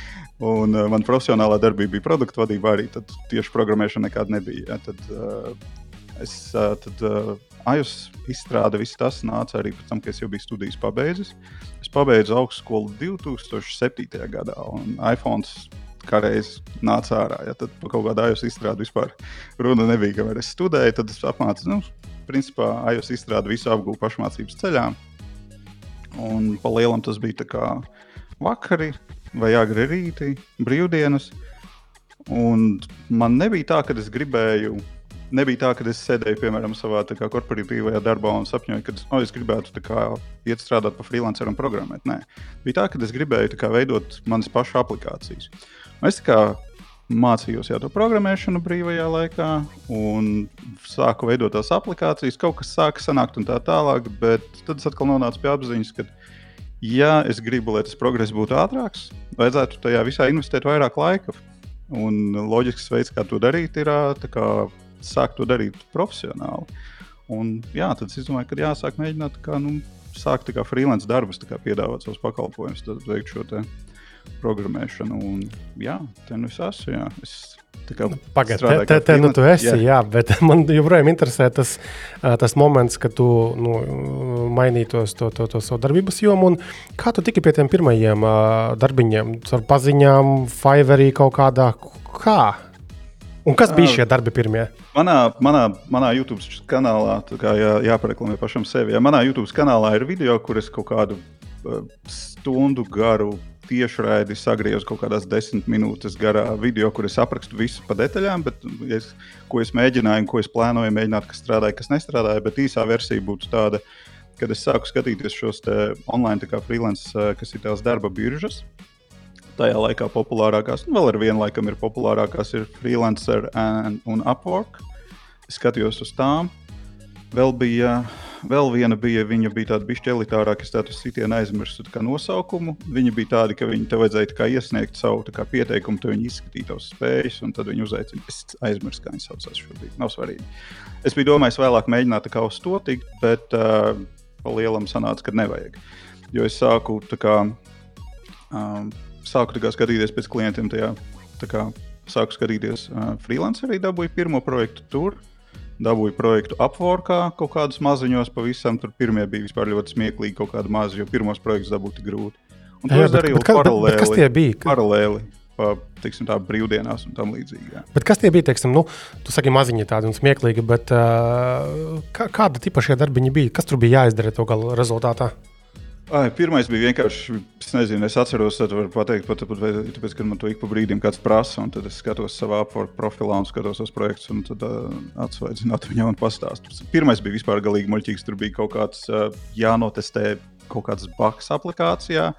Tur samaksa bija vispār smieklīga. Pat, nu, par to samaksu nebija vērts runāt. Tur bija kaut kāda 10 eiro dolāri vai kaut kas tāds par to tāsku.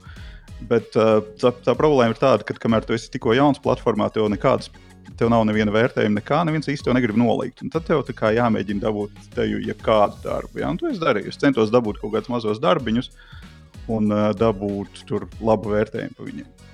Man liekas, jau otrais projekts bija, jau bija, kad es viena, viens, kā, viens uzņēmums, viens klients meklēja, skatījās pēc, tas bija apgabala. Viens skatījās, viņam vajadzēja uztaisīt kaut kādu ļoti vienkāršu aplikāciju, kur parādītu energo, auto, elektroautorāta efektivitāti.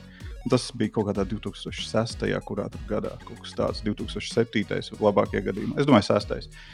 Tad elektroautorāta vēl nebija tik populāri. Tur bija ļoti vienkārši kaut kāda formuliņa, kalkulatoriņš, tur trīs ekrāni. Un es viņam teicu, Rekur ir mana stundas likme. Tur es atceros 20 dolārus stundā. Tajā brīdī es prasīju, rekur ir mana stundas likme. Es saku, es tev to programmu uztaisīšu kādās, nezinu, desmit stundās. Viņi bija ļoti, nu, tiešām ļoti vienkārši. Es viņu uztaisīju, neatceros, varbūt es tur iztērēju bišķi vairāk laika, bet tāpat es nočārģoju par tām desmit stundām. Klients bija ļoti priecīgs, tur uzmet tur kaut kādu bonusu, kaut kāds 10 vai 20 dolārus. Tur sanāca kaut kāda, tur, nezinu, kaut 120 dolāru laikam uz tā uz tā, uz tā projekta. Bet es atkal dabūju ja, kā piecas zvaigznes, labu atsauksmi, un, un pēc tam jau tā kā nu aiziet. Kā tagad, tu joprojām arī dar, dari šos darbiņus no tiem apvorkiem, vai kaut kā citādāk tagad ir tavs uh, nu, vairāk, dealflows? vairāk, nē, pa lielam, pa lielam bija tā, ka uh, bija tā, ka es vienā brīdī es skatījos, kā es tur te pašā apvorkā, es skatījos apkārt vēl kādi ir varianti.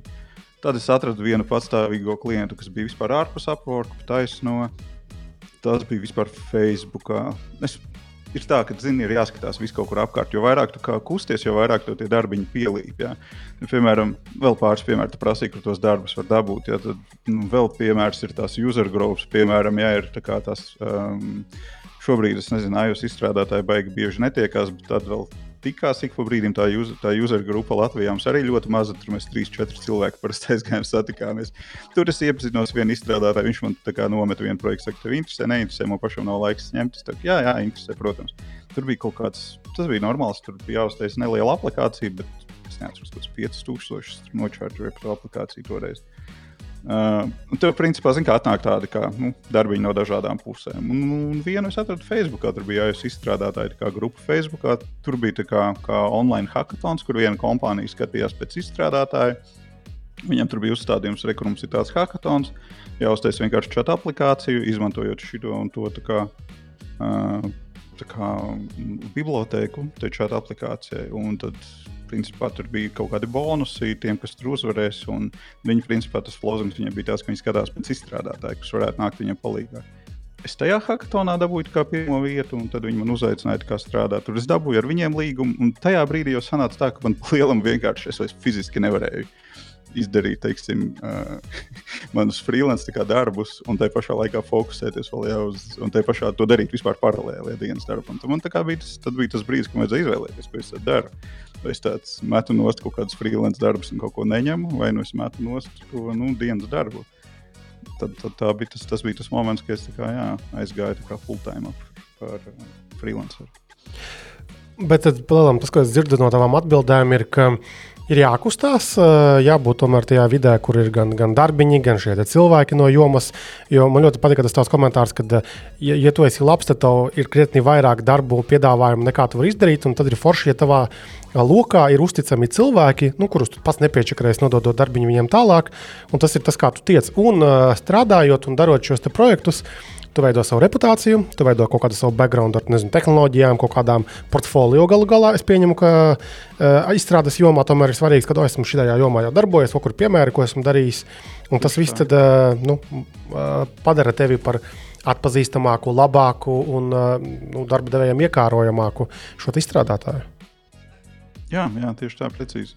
Tas ir, um, tas ir tas moments, ko es arī saku, ka tā, nezinu, kā latviešu to pateikt, online prezence, tā kā uh, kaut kāds publiskais tēls internetā, yep. tādā ziņā ir uh, svarīgs. Tāpēc, ka tu vari vienmēr kaut ko, nu, ja tu kādu uzrunā, tad viņš var iegūglēt tevi un atrast un paskatīties, kas tas vispār ir. Tad, jā, atrast. Lai nav tikai tur GitHub vienīgā vieta, kur skatās tavu profilu. Jā. Tieši tā, jā. Jo GitHub ir forša lieta, jā, bet to tu vari parādīt kaut kādam darba devējam, ja tu ej IT kompānijā kaut kādā strādāt. Bet, ja tu principā mēģini uzrunāt kaut kādus biznesus, pat taisno piedāvāt savus servisus, nu, tas nav GitHub, nav vieta, kur normāli cilvēki iegriežas. Mm, jā. Te bija tāds jautājums, arī tāds, tāds, tāds tehniskāks. Arī. Vai tu, teiksim, darot šos te freelance darbus, izmanto kaut kādu veidu apdrošināšanu, tur, lai ability kaut kādas kiberdrošības, tas ir vajadzīgs, tā ir aktuāla lieta vai tā nav aktuāla beiga lieta? Es domāju, tas atkarīgs, no, es domāju, tas atkarīgs no jomas un industrijas un tā tālāk. Pašā AIOS izstrādātās uh, tie drošības riski ir, viņi ir, bet viņi ir, kā, man liekas, krietni mazāki nekā, ja mēs runājam par kaut kādu backend izstrādi un tā mm. tālāk. Uh, un tad, attiecīgi, kaut kādi kā, sevis pašu pasargāšana un tā tālāk, nu, tad, attiecīgi, tur jau ir noteikti, ir, nu, nevis noteikti, bet vienmēr ir līgums, uz, uz kā pamata tu sadarbojies ar kādu ja tas ir tavs paša aplikācijas apstorā, tur ir, tur ir Apple kā, uh, end user agreement, tad, ko, kas, ko tas nozīmē, ko tu iegūsti šo aplikāciju lietojot, kādas ir tavas tiesības kā lietotājiem tā tālāk. Ja tas ir uh, kaut kāds freelance projekts, nu, arī līgumam vienmēr, līgumam vienmēr ir jābūt, lai būtu skaidrība, par ko ir kas, par ko puses vienojušās. Un, uh, cik kāda, kāda atlīdzība par to tiks saņemta. Šie visi online, kā, kas ir tās darba biržas, viņas ir salīdzinoši grūtas. Mm, lai dabūtu teiksim, jā, to darbu, pirmos projektus dabūt, ir salīdzinoši grūti. Klienti arī ir ļoti dažādi, un ļoti daudz ir tādi, kuri meklē tā lētāko variantu un tā tālāk, ar kuriem nevajadzētu arī īsti sasaistīties. Bet uh, tu kā izstrādātājs esi pēc tam jau savā ziņā pasargāts. Jā, tu, protams, atdod daļu no tās naudas tai platformai, bet A, cik liela daļa ir galva? Cik liela daļa ir aptuveni? Oi, es pat neatceros. Upworkam es tiešām neatceros. Kaut kāda bija 10%, manuprāt. Uh mhm. -huh. Kaut kas tāds bija. Un tur arī bija kaut kāda trikīga. Tur bija tā, ka no pirmajiem 500 dolāriem tu maksāji, manuprāt, 20%, un pēc tam 10% kaut kā tā. Bet nu, tas viss arī mainīties. Var, es neesmu caur Upworku strādājis jau kādu laiku. Tur profils aktīvs ir, bet darbs nekādas tur neesmu darījis jau kādu laiku. Bet tādam jaunisceptam cilvēkam, jaun, jaunisceptam freelance izstrādātājam, tu ieteiktu tomēr sākt tieši ar šīm platformām, vai tomēr kaut kā citādāk meklēt pirmos projektus? Mm, es, jā, es ieteiktu, kāpēc nē, jo tā vēl joprojām ir ļoti liela, kā, ļoti liela uh, tas ir liels puls ar darbiem un, un, un klientiem, kuriem skatās jau pēc programmētājiem. Tā ir kurā, kurā brīdī, es nezinu, par Fiverr tas man liekas, ir vēl tā kā kā uz lētumu un salīdzinot ar Upwork. Ja? Bet, uh, man liekas, ka ja tu sāc ar, ar, ar Upworku, piemēram, un tam līdzīgām vietām. Es saku vienkārši kā piemēru, tāpēc, ka es lietoju Upwork. Ir daudz vietas izvēlēties, jebkura. Bet, ja sāk ar vienu no viņām, man liekas, tu uzreiz dabūji to garoziņu, kā sajust no tā freelance. Tu vari redzēt uzreiz, kā tas ir, kad tur nāk, kad tu piedāvā kaut kādas nereālas cenas. Tur cilvēki ir gatavi, nezinu, par trim dolāriem stundā varbūt strādāt. Es nezinu, kādas tur nu, kreizī cenas tur ir gatavi nosaukt, ka mēs tur tevi pavelti taisīsim, un tev, tajā, tev tajā tirgu ir jākonkurē, jā, tev ir jāmēģina kaut kā sevi izcelt, kaut kādā veidā panākt to, ka tu dabūsi darbu, un tajā pašā laikā tev nebūs jāstrādā, es nezinu, 24, 7 lietu galus savilkt kopā. Ja. Es domāju, jā, tas, ir, tas nav viegli, un, un, un tad varbūt tās arī uzreiz dabūni to rūkuma garšu no freelance, lai tu saprastu, vai tev, vai tev to vajag vai tev nevajag. Okay. Kurā momentā tu sāki izstrādāt un tā nopietni izstrādāt arī savas lietotnes? Uh, nu, manas lietotnes tas bija tas, tas bija tas, tas, tas gaišais sapnis, ko es biju vispār domājis sākotnēji ja darīt. Es biju domājis, es lasu, uztaisīšu pāris aplikācijas un palikšu stāvus bagāts. Nu, viss noteikti zina apstākļā. Nenotiek. Okay, man nebija tik lielas ilūzijas, bet tā ļoti tā sapratu, lai būtu interesantāk. Tad pateiksim tā, jā. Bet, uh, nu, es tad uztaisīju pāris aplikācijas, sapratu, ka nu, to lejupielāžu ir ļoti maz, un tur es to, to naudu tur pelnu, tur teju neko. Es tur ieliku kaut kādas reklāmas, tur tajās aplikācijās, un tur pelnīju, nezinu, tur kaut kādus pāris. Nezinu, tur varbūt 10 dolārus mēnesī kaut ko tam līdzīgu. Nu, vispār te ir neko. Kāda tad es sapratu, un tad es sapratu, ka, uh, jā, kad, lai es varētu viņas tās aplikācijas kā, uztaisīt labākas, man vajag kā, uh, vairāk kā, būt iekšā tajā iOS izstrādē, sāku freelance nodarboties. Un tad, principā, es atgriezos kā, atkal atpakaļ salīdzinoši nopietni pie savām aplikācijām kaut kādā 19. laikam, kaut kur gadā, kaut kur tā, kad es atkal sāku kaut ko atkal nopietnāk par to darīt. Bet, tā, bet tās lietotnes, varbūt īsumā noraksturo, nezinu, tur trīs aktuālās, kas tev ir. Kas tās ir? Tās kaut kādas ārkārtīgi milzīgas vai kaut kādas mazas funkcijas, vienkārši pilda konkrētas. Tas ir mazas, nelielas aplikācijas. Tas, principā, ko es arī ieteiktu katram, kurš to grib pamēģināt. Man tas, tas gala mērķis man ir principā, kā, no freelance vispār atbrīvoties un strādāt uz satura veidošanu un savām pašu aplikācijām. Un es nevienā brīdī negribu uztaisīt kaut ko milzīgu, kaut kādu, nezinu, par nākamo Instagram vai kaut ko tamlīdzīgu. Uh, tas nav vajadzīgs, jo ir tā, ka tas pats uh, vienalga, kur tirgu tu izvēlies, web programmas, Android aplikācijas, iOS aplikācijas. Mēs viņus varam veidot un tirgot globāli, ja, un pasaules mērogā. Ir cik ir mobilie telefons, nezinu, tu labāk zinās. Ja, miljardi, daudz, daudz. Jā, daudz. Jā. Un katrā viņā ir aplikācijas. Un vismaz katrs otrais varbūt tās ir kāda par kādu aplikāciju samaksājis. Un, ja tu vari atrisināt problēmu kaut kādam nelielai, kaut kādai daļai ar cilvēku, kaut kāda neliela problēma, par kuru viņi gatavi samaksāt kaut kādu nu, nelielu, bet godīgu samaksu. Tu reāli no tā var uztaisīt biznesu. Un tā, tā, un tā nav jābūt sarežģītai, jābūt kaut kādai sarežģītai aplikācijai. Atbildot uz jautājumu par manām aplikācijām, uh, pēdējā, ko es uztaisīju, ir salīdzinoši vispār, nu, vienkārši kā, kā durvis. Tur ir uh, vienkārši widgetiņš uz ekrāna, kurā es uh, atzīmēju kā, tas, teiksim, habit trackeris, uh, kurā es atzīmēju vienkārši dienas, kurās es strādāju pie tās lietas, kuras es gribēju darīt. Es viņu uztaisīju vispār kā testa projektu. Vienkārši, lai paspēlētos bišķi tiem widgetiem, jo es plānoju tos widgetus ie, ieintegrēt citās manās aplikācijās. Bet es viņu vienkārši sāku lietot. Es, piemēram, kaut kad tur septembrī, laikam, man bija, jā, septembrī es izdomāju challenge, ka es ņemšu katru dienu, strādāšu kaut vai nedaudz, stundu vai divas pie savām aplikācijām, bet katru dienu. Un tad es vienkārši izmantoju to widgetiņu, lai atzīmētu. Un tad man tur, es viņu tur liku sociālajos tīklos, un man prasīja, oh, kad viņi, reāli, kad viņi laidīs, kad, kā, kad viņi publicēs. Es sākumā nemaz nebiju domājis, bet es domāju, ah, labi, ok. Kā, nu, sataisīšu viņu tā, kā, lai būtu kā kārtīga aplikācija, lai tur būtu kaut kāda kā, iespēja kaut ko bišķi pakonfigurēt un tā tālāk un izlaidīšu. Un tā aplikācija ir salīdzinoši vienkārši. Nezinu, ja viņi tagad no nulles taisītu, es viņu droši vien nu, nezinu, nedēļas laikā uztaisītu. Nu, maksimums divās. Nu, viņa nav sarežģīta. Vai tur ir daudz naudas iekšā? Nu, nē, šobrīd nav, bet tas ir MVP, nu, minimum viable produkts lai redzētu, vai vispār kāds viņu lieto. Nu, es redzu, jā, ka lieto. Tas lejupielādes kopējo skaitu nepateikšu, bet es skatījos statistiku aktīvajiem dienas lietotājiem. Tur vidēji ap kaut kādiem 40 aktīviem lietotājiem dienā grozās. Es viņu izlaidu janvāra kaut kādās otrajā, ne, pirmajā pusē. Maksa šajā gadījumā ir vienkārši maksas lietotne vai kaut kādi pirkuma iekšpusē tur ir? Pirkuma iekšpusē mūsdienās palaist aplikāciju, kur ir maksas, lai viņu, lai, no sākuma jāsamaksā, lai tu le, lejuplādētu, un tas biznesa modelis ir aizgājis. Mm. Protams, vēl ir tādas aplikācijas, kuras to vēl joprojām dara, bet uh, nu, lai viņas tā turpina darīt, būs mazāk konkurence pārējiem. Tev jātiek tajā telefonā, pareizi ir. Ko lūdzu? Tev jātiek tajā ierīcē, iekšā tajā telefonā, planšetdatorā, un tad jā. parādot kaut kādu nu, noderīgumu, tad var cerēt arī, ka viņš arī nu, abonēs tevi. Ja? Jā, jā, tieši tā, tieši tā, precīzi. Kā, kā tu atrodi tās nišas, tās jomas, um, nu, kur, kur prasītos tā lietot? Nu, labi, šajā gadījumā tu izstāstīji to vienu piemēru, kad nu, tev pašam vajadzēja. Tu pats redzēji, ka varētu būt nepieciešamība. Gan jau, ka tu pagūlēji, pameklēji, vai kaut kas tamlīdzīgs arī ir. Hei, es varu redzēt kaut ko sev. Bet um, vai ir kaut kāds nezinu, process iespējams, kā atrast tās lietas, nišas, kur vēl var uh, iz, izlaist kaut kādu lietotni, kas var ienest arī naudu tur dienas beigās? Jā, protams, process ir. Tu vari teiksim, kā, skatīties dažādas kā, lietotāju grupas, interešu grupas un censties identificēt, kādas viņiem ir problēmas, un tad mēģināt ar viņiem kā, runāt un saprast, kā viņas risināt un tā tālāk. Un tas tā kā, viss ir vairāk tā, tā produktu vadība, ar ko es kā, pirms tam arī nodarbojos. Uh, tas ir iespējams, bet ko es ieteiktu?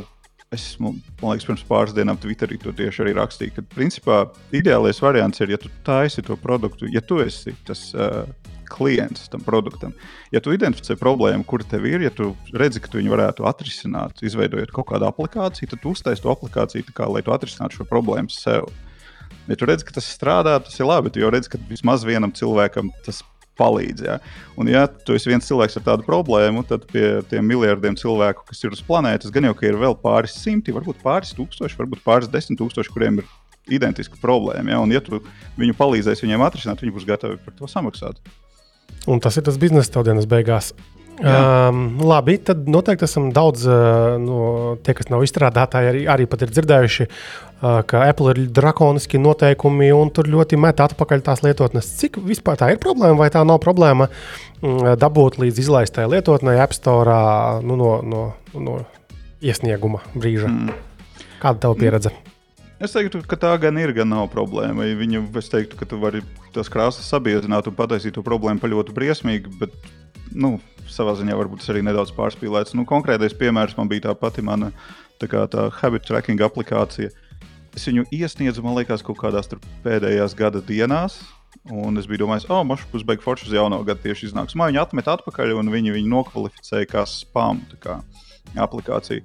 Un, uh, tas zin, tās klasifikācijas tā palientā, tas, tas atteikuma iemesls bija vairāk kā paredzēts, lai, jā, lai situācijās, kad, piemēram, es uztaisu ļoti daudz dažādas aplikācijas, uh, piemēram, labi, es iedošu piemēru, piemēram, autovadītāji teiksim, tie CSDD eksāmena jautājumi. Ja? Tu varētu uztaisīt aplikāciju, kur ir visi tie CSDD kā, jautājumi un, un kā, nu, kā publicēt viņu. Un tā pašā laikā es varētu uztaisīt atsevišķas aplikācijas kravas mašīnas vadītājiem, velosipēda vadītājiem un tā tālāk. Ja? Tas būtu līdzīgs piemērs, ka tu uztaisītu nevis vienu aplikāciju, bet sadali tur un uztaisītu desmit dažādas līdzīgas vai ne un tā tālāk.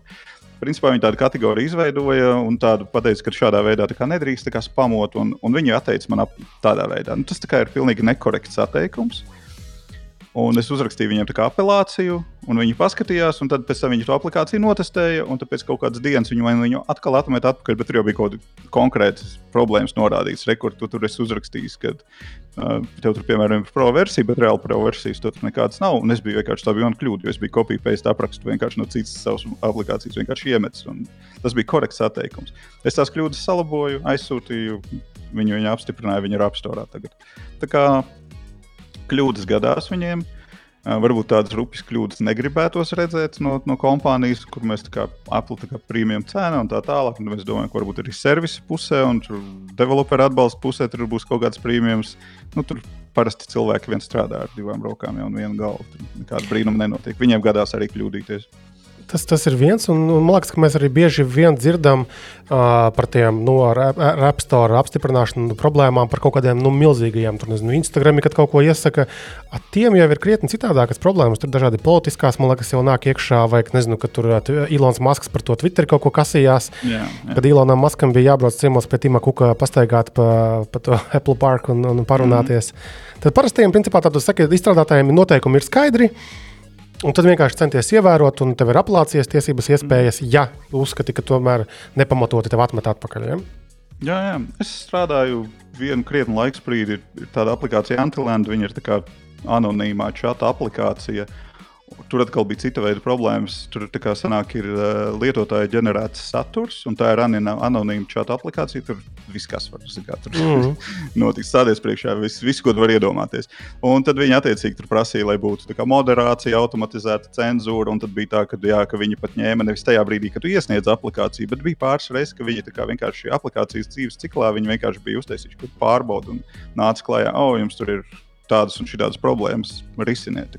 Un viņi iedod vēl pat konkrētus deadlines, ka tas jāatrisina tā tālāk. Tas ir tā kā jārunā par kaut kādām tādām cita nedaudz rakstura. Bet tas ir tieši tā, tas ir tādām lielajām aplikācijām, kur tā kā, tās antilēns tur kaut miljoniem lietotāju reāli. Viņi ir tiešām lieli. Jā. Tas ir, nav Facebook, bet nu, nav, nav arī manas kabatas formāta aplikācijas kaut kas pa vidu. Teiksim.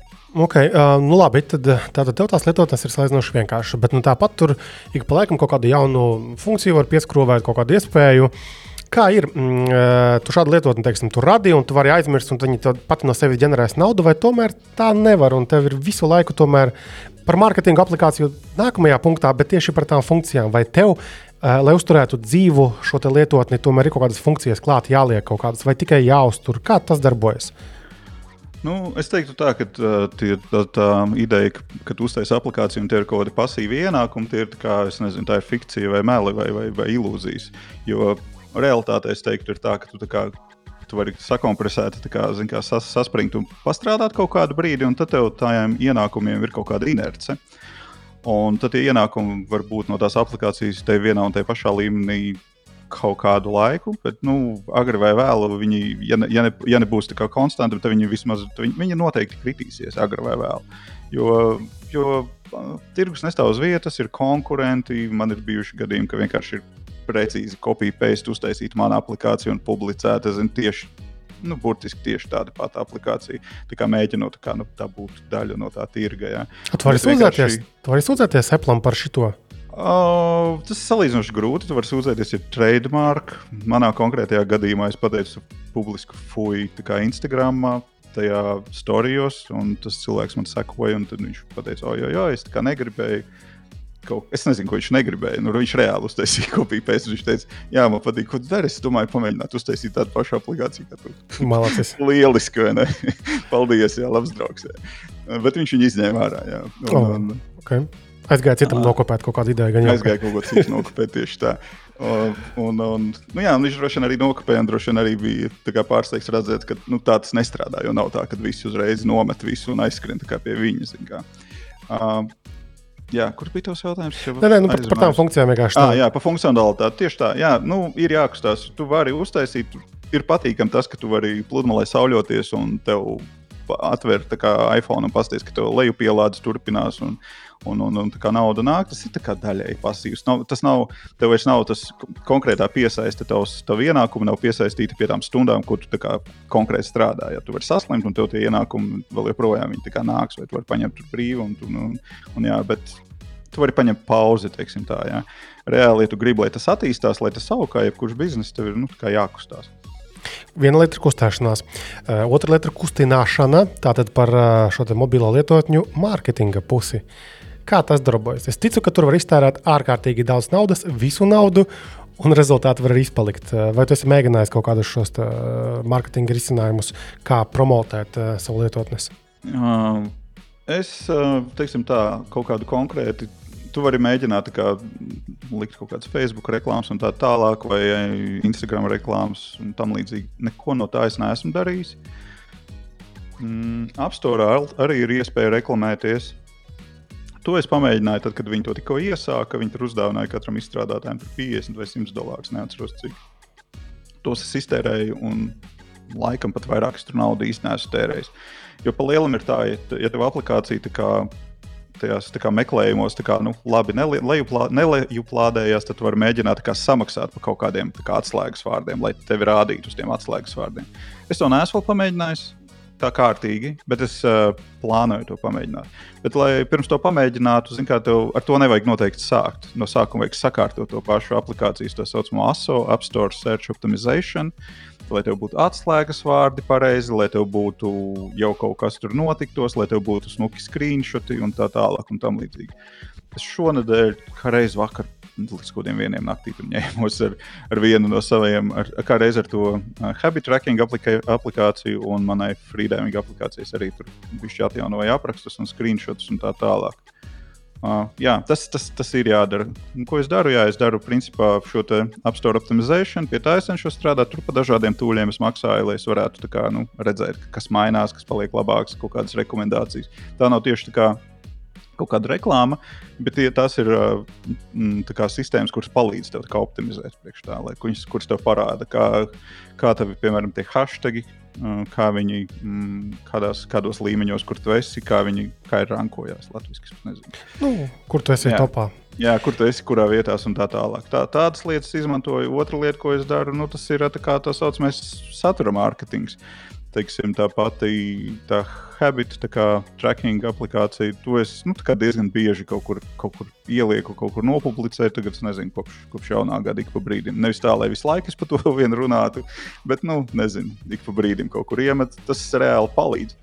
Jo es varēju salīdzināt, man viens kā, draugs izstrādāja Android aplikāciju, kura dara principā tieši to pašu.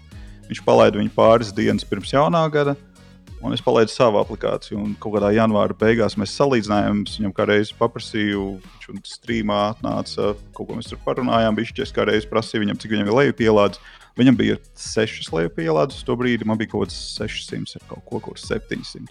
Un tas kā reizi ir vienkārši tas, nu, kā saucamais, tas content marketing, tāpēc, ka nu, kaut kā tā auditorija kura man ir. Tas, tādas lietas viņa arī teiksim, ir liela daļa, kas mācās programmēt, vai mēģina kaut ko tādu, vai, vai veidot savas aplikācijas un tā tālāk. Un tur šī šāda veida aplikācija varētu būt noderīga. Ja? Un, un, un, jā, un tas viņus uzrunā, un jā, jā, tas satura mārketings. Apple ekosistēma versus Android ekosistēma. Tieši no peļņas iespējām tādiem freelanceriem kā tu, uh, nu, ir, ir tas uh, pieņēmums, stereotips, ka nu, Apple pasaulē lietotāji ir gatavi vairāk maksāt. Tā, tas, tas atbilst patiesībai. Uh, un, un tu esi priecīgs, ka tu tomēr esi darbojies Apple ekosistēmā, vai tomēr vajadzēja Androidā. Tur taču vairāk ierīču ir gala beigās. Uh, tas nav pieņēmums, tas ir diezgan nostiprinājies fakts. Tā ir. Ja. Bet, bet, uh, bet tas ir jāsaprot, par ko mēs konkrēti runājam. Ja, ja mēs runājam par freelancu tieši kā tādu, ja, tad palielam, kā Android freelancers vai iOS freelancers, tur, tur plus mīnus to pašu naudu var nopelnīt. Ja, tur, tur var pēc tam tur jau strīdēties, kurš tur vairāk ir nopelnījis. Ja, tas jau ir vairāk no cilvēka atkarīgs, jo tur jau katram arī ir savs range, cik viņš labi mākslinieks pārdot, pasniegt un tā tālāk.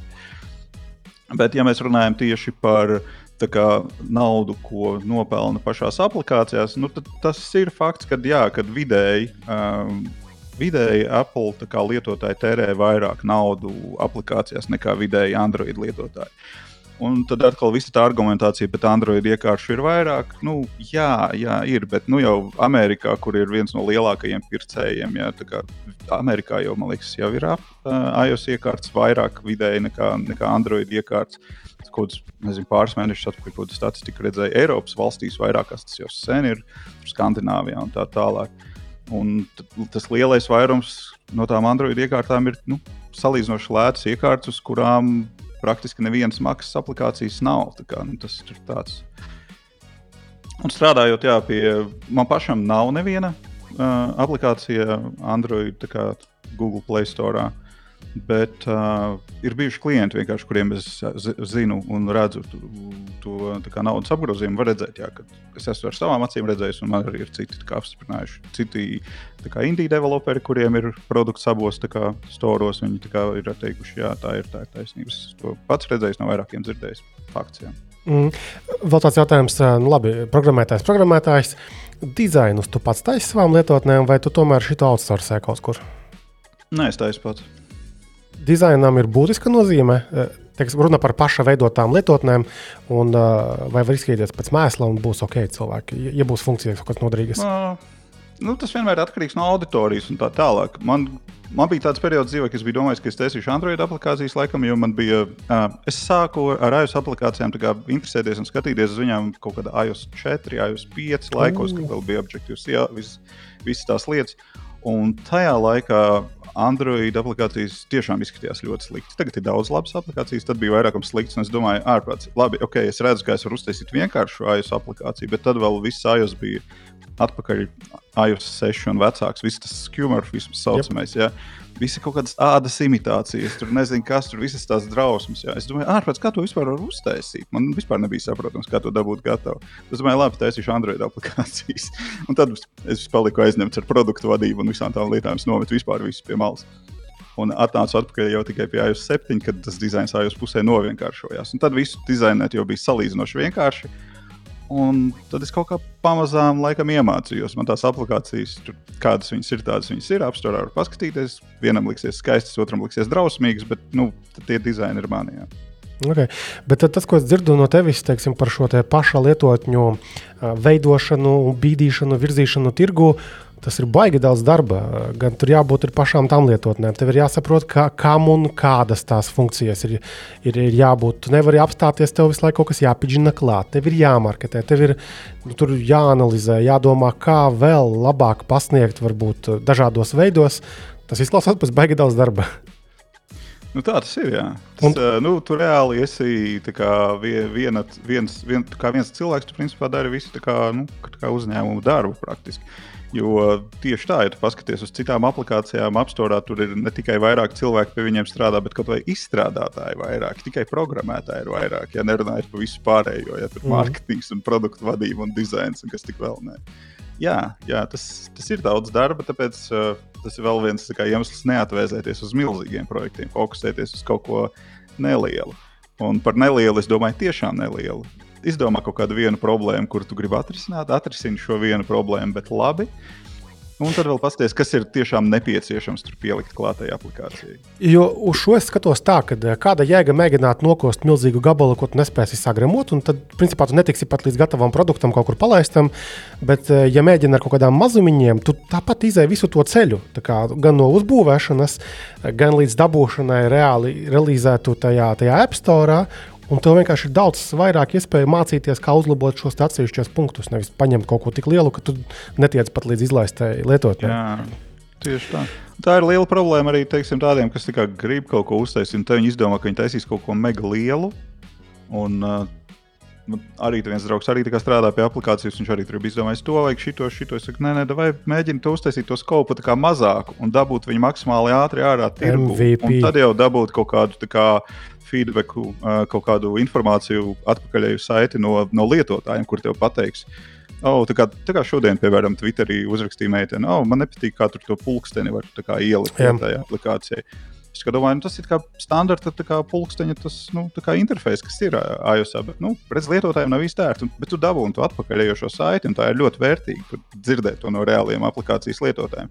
Kamēr tu sēdi tikai savā stūrī un kaut ko taisi un risini teorētiskās problēmas, uh, tu reāli tu zaudē laiku vienkārši. Un, mm -hmm. un pēc tam var sanākt tā, ka tu vienkārši esi pārdedzis to visu taisot, izlaid ārā, konstatē, ka nav nemaz tik daudz cilvēku, kuriem tas ir vajadzīgs, un tu domā, ah, tas nestrādā. Jā, jādomā, jādomā, jādara kaut kas cits. Okay. Uh, tagad par to, par to daļu, par savu publisko tēla veidošanu visos šajos tīklos un, un, un, un video. Uh, nu, Tu, tu jau tā kā sākotnēji sarunas pirmajā pusē atbildēji, ka palielam tas ir, lai vienkārši lai būtu šis publiskais tēls, lai būtu kaut kas aiz tava vārda, uzvārda un asociētos ar, nu, ar kvalitātes darbs un tā. Bet kādas ir tās galvenās atziņas? Tur daudz darba tiek ieguldīts teiksim, šo te video veidošanā, satura veidošanā, kas ir viegli, kas ir grūti un vai no tā vispār ir jēga, tavuprāt? Mm, uh Varbūt bija atpakaļ, kā, kāpēc es sāku un kā es sāku vispār to visu darīt. Jā. Es sāku, man, es sāku, kad es sāku freelance darbu, es sēdēju, pasēdēju pāris dienas, varbūt pāris mēnešus, neatceros savā istabā kodējot tos freelance projektus. Tā kā palika negluži vientuļi, bet kaut kā, zin, kā nav īsti ne ar vienu ar ko parunāt. Zin, kādu, nu, pat ne īsti parunāt, bet kaut kāda gribējās kaut kādu to vidi apkārt, kaut kādu izstrādātāju. Es paskatījos uz Twitter pusi, bet Twitterī mūžīgi par politiku, par tarifiem, visi cepās kaut kā, nezinu. Man es pat nevaru vairāk ar manu Latvijas Twitter profilu vaļā. Un, un, bet uh, paskatījos uz Instagram, un tas man kaut kā patika. Un, uh, jo Instagramā tur vairāk bija kaut kādas bildes, kaut kas vizuāls. Un tad es blogot es īsti negribēju, bet es sāku likt bildes Instagram un rak, rakstīju beigās garos tos captions, principā kaut ko līdzīgu kā blogam, ko es daru, kā man iet un tā tālāk. Un to es biju domājis, kā darīt. Tad es varētu vizuāli rādīt, pie kā es strādāju, kaut ko uzrakstīt, un tā varētu būt tāda kā, nu, kā reklāma man, lai es piesaistītu klientus. Un strādā, tas strādā, bet reāli es nekad to tā arī neesmu izmantojis, jo to projektu vienmēr ir bijis vairāk nekā, nekā, nekā, nu, nekā laika. Un, uh, bet jā, tad pie Instagram atkal sākās tā, ka man vienkārši uzdeva ļoti bieži salīdzinoši viens un tos pašus jautājumus. Un es jau biju sarakstījis savu kopiju, pēc vienkārši atbildes. Es sāku viņus vienkārši sūtīt tādā veidā. Un es domāju, tas būtu vienkāršāk to ierakstīt video, un tad es sāku vienkārši ierakstīt YouTube video, lai atbildētu tos jautājumus. Nu, tā tas tā kā, tā kā tā, tas, tā tas arī vēl joprojām valkās. Uh, Un, un, un, es to sāku it kā dēļ tā, dēļ tā publiskā tēla un dēļ tā, tā kā mārketinga. Un es to turpinu tagad vienkārši tāpēc, ka tas man patīk. uh -huh. Tu prasīji, vai to vajag darīt? Es uzskatu, ka vajag. Kāpēc vajag paskatīties? Atrodiet manu video par online prezenci manā YouTube kanālā. kanālā. Tur es to izrunāju dziļi detaļās. Vai vajag, start, vai vajag sākt YouTube kanālu? Es teiktu, noteikti nē, jo tas prasa nenormāli daudz laika. Jebkas video prasa ļoti daudz laika.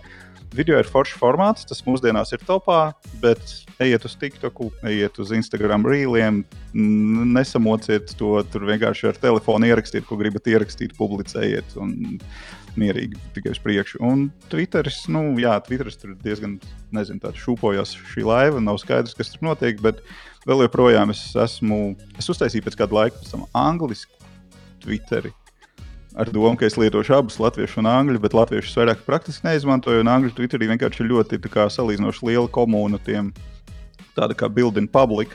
Ir cilvēki, kur arī kā, veido produktus. Viena taisa iOS aplikācijas, citi web produktus un tā tālāk. Un vienkārši tā kā uh, šārē savu, uh, dalās ar savu pieredzi. Uh -huh. Tāpēc es esmu Twitterī, un tad es, es teiktu, šitajā, šajā gadā es biju aktīvāk, sāku arī kaut ko rakstīt Twitterī. Jā. Jo es skatos, ka tev gan ā, tad, ā, Instagramā 93,000, gan arī 94,000 ā, sekotāji, TikTokā ir tātad 83,000 sekotāji un YouTube 24,000 sekotāji. Tā kā priekš tādiem Latvijas apmēriem tas ir wow. Nu, bet jau globāli skaties. Tā kā kopumā tie ir, tie lieli skaitļi reāli. Malacis, forši. Nu, Jā, diezgan. Jā. Tur ir arī kaut kāda finansiālā interese, protams, arī tajā visā. Tas, tas, tas jau arī ir tāds, kā, nu, tas, tas varbūt ir daudzi, kuriem tas ir pilna laika darbs un tā tālāk. Man tas ir hobijs, kurš arī ģenerē kaut kādus ienākumus. Okay. Tad plāno turpināt, ka jebkurā gadījumā arī šo te, nu, publiskā tēla attīstīšanu. Jā, jā, tas uh, es to plānoju, jo, kā jau teicu, tas var būt biznesa pats par sevi. Tā ir viena lieta, un otra lieta ir tas, ka tas palīdz vienkārši šim te, produktu mārketingam. Jo labākais veids ir, kā radīt produktus, ir radīt priekš kaut kādas audiences, ja priekš kaut kādas auditorijas. Un man kaut kāda auditorija kaut kāda, kaut kāda audience ir, ar kuru man tas kontakts ir, ar kuras var komunicēt, ar kuras problēmas es varu redzēt, un es varu viņiem piedāvāt kaut kādus risinājumus. Okay, forši. Uh, skatos, ka mēs esam jau labu laiku parunājuši, un tad varbūt noslēgumā sarunas. Ja cilvēks klausoties sarunu ar tevi, tad uh, tas vismaz, ko es nolasīju, ka jā, visas iespējas ir, bet tas nav tā, ka čik čik un tu esi balī uzreiz un siltā saulītē un kaut ko skaties vienkārši cik daudz kontā birs nav. Tad darbs tur jāiegulda ir pamatīgs, bet iespējas ir.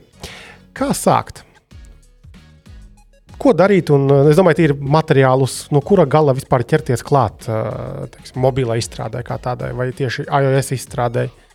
Mm, Kā sākt? Tas, jā, es teiktu, ka materiāli šobrīd ir vairāk nekā vajag. Tur drīzāk ir izvēles problēma. Jā, tad, ja interesē tā pati iOS izstrāde, tad es rekomendētu, un es arī bieži rekomendēju, ir tāds resurss uh, Hacking with Swift. Uh, tas ir uh, viens uh, anglis viņu vada, un, un tur ir principā 100 days challenge, tā kā 100 dienu challenge Swift UI apguve, apguvēja. Un tur ir vienkārši simts dienu programma, ka tu sāc no pilnīgas nulles un kā sāc kā veidot projektu. Viņš ir bezmaksas. Vispār nekas nav jāmaksā. Ej un mācies. Un es teiktu, ka vajadzētu iziet tam cauri, sākt veidot projektiņus. Un, principā, kas, ko es arī vienmēr saku, nevajag tā ieslīgt tādā mm, nebeidzamā mācīšanās ciklā. Tev liekas, ka tu pabeidz vienu kursu, jāskatās pēc nākamā, un nākamā, un nākamā, un tā tālāk. Vajadzētu sākt uzreiz paralēli strādāt pie kaut kāda sava kā, testa projektiņa. Un tas varētu būt kaut kāds portfolio, piemēram, sākt veidot jau savu, savu portfolio. Ja mēs, piemēram, uztaisām kaut kādu, es nezinu, tajā kursā, piemēram, tu uztaisīji kaut kādu habit tracking aplikāciju, tad uztaisīji pēc tam citu versiju viņai, bišķi pamaini kaut ko, nezinu, krāsas, tur funkcionalitāti, vēl kaut ko. Tas ir veids, kā principā, jo tu mācies darot, jā, un tu mācies kā meklējot risinājumus problēmās. Nu, principā sākt ar to, un tad, attiecīgi, kas ir mērķis? Jā, vai tas ir mērķis kā, sākt freelance vai veidot savas aplikācijas? Ja tas ir veidot savas aplikācijas, tad nu, no sākuma, kamēr mācās, tur vajadz, nevajadzētu pārāk sarežģīt savu dzīvi un domāt par kaut kādām sarežģītām aplikācijām vai pat vienkāršām aplikācijām un veidot viņus no sākuma pišķi pamācīties, un tad jau sākt strādāt pie saviem mazajiem projektiem. Un negaidīt uz to, kā tu saki, jā, kad būs čiks, čiks un nauda kontā virs un tu gulēsi balī. Tas ir kā, nu, maratons. Jā. Es teiktu, vajag kā, noskaņoties uz kaut kādiem sešu plus mēnešu tā, lai tu iemācītos un dabūtu kaut ko jēdzīgu apstākļā. Protams, katram ir savs brīvais laiks. Ja tev ir 8, dien, 8 stundas dienā, tad nu, pa gadu tu vari ļoti daudz izdarīt. Ja tev ir limitēts laiks, ģimene, bērni vēl kaut kas, tad tas ir savādāk. Es pieņemu, ka mūsu klausās arī daudz cilvēku, kas strādā kaut kādā dienas darbu, uh, varbūt arī IT jomā, bet nu, gluži varbūt ne, ne programmēšanā. Cik reāli, tavuprāt, vispār ir iespējams vat, savietot šādu, vat, tu joprojām strādā savā tajā, tajā daily job, Un nu, pa vakariem, pa brīvdienām, tomēr rambāt cauri to, to ieteikumu, mācīties, mācīties, darbies, knibinies, lai pēc tam varētu nu, pārslēgties uz šo izstrādi. Tas ir reāli, vai tomēr vajag pilnībā veltīt no rīta līdz vakaram, uh, iet prom no tā darba, kas tev varbūt nezinu, apnicis jau pirms kāda laiciņa ir. Vai, vai, vai, vai tomēr var atrast kaut kādu līdzsvaru? Nu, nu pagaidiet, ir piemērs. Es to izdarīju, strādājot citu darbu, ja ne programmētāju darbu. Es iemācījos programmēt tieši tā, laikā, kur es atradu, kur, kur var viņu atrast. Ja. Un, nu, es, es, ko es ieteiktu, paskatīties kritiski uz tavu dienu. Jo, zināmā mērā, ja tu atliksi vienmēr Jā, tas man interesē, bet es pagaidīšu, ka būs, būs vairāk laika. Vairāk laika nebūs nekad. Vienkārši vairāk laika nekad nepaliek. Tu vari tikai sev atrast laiku priekš tām lietām. Un atrast laiku tu vari prioritizējot. Ja tu, piemēram, pasties, ko tu dari vakarā, skaties Netflix, nu, izmet ārā to Netflix. Aizej ātrāk gulēt, no rīta piecelies stundu agrāk un pastrādāja.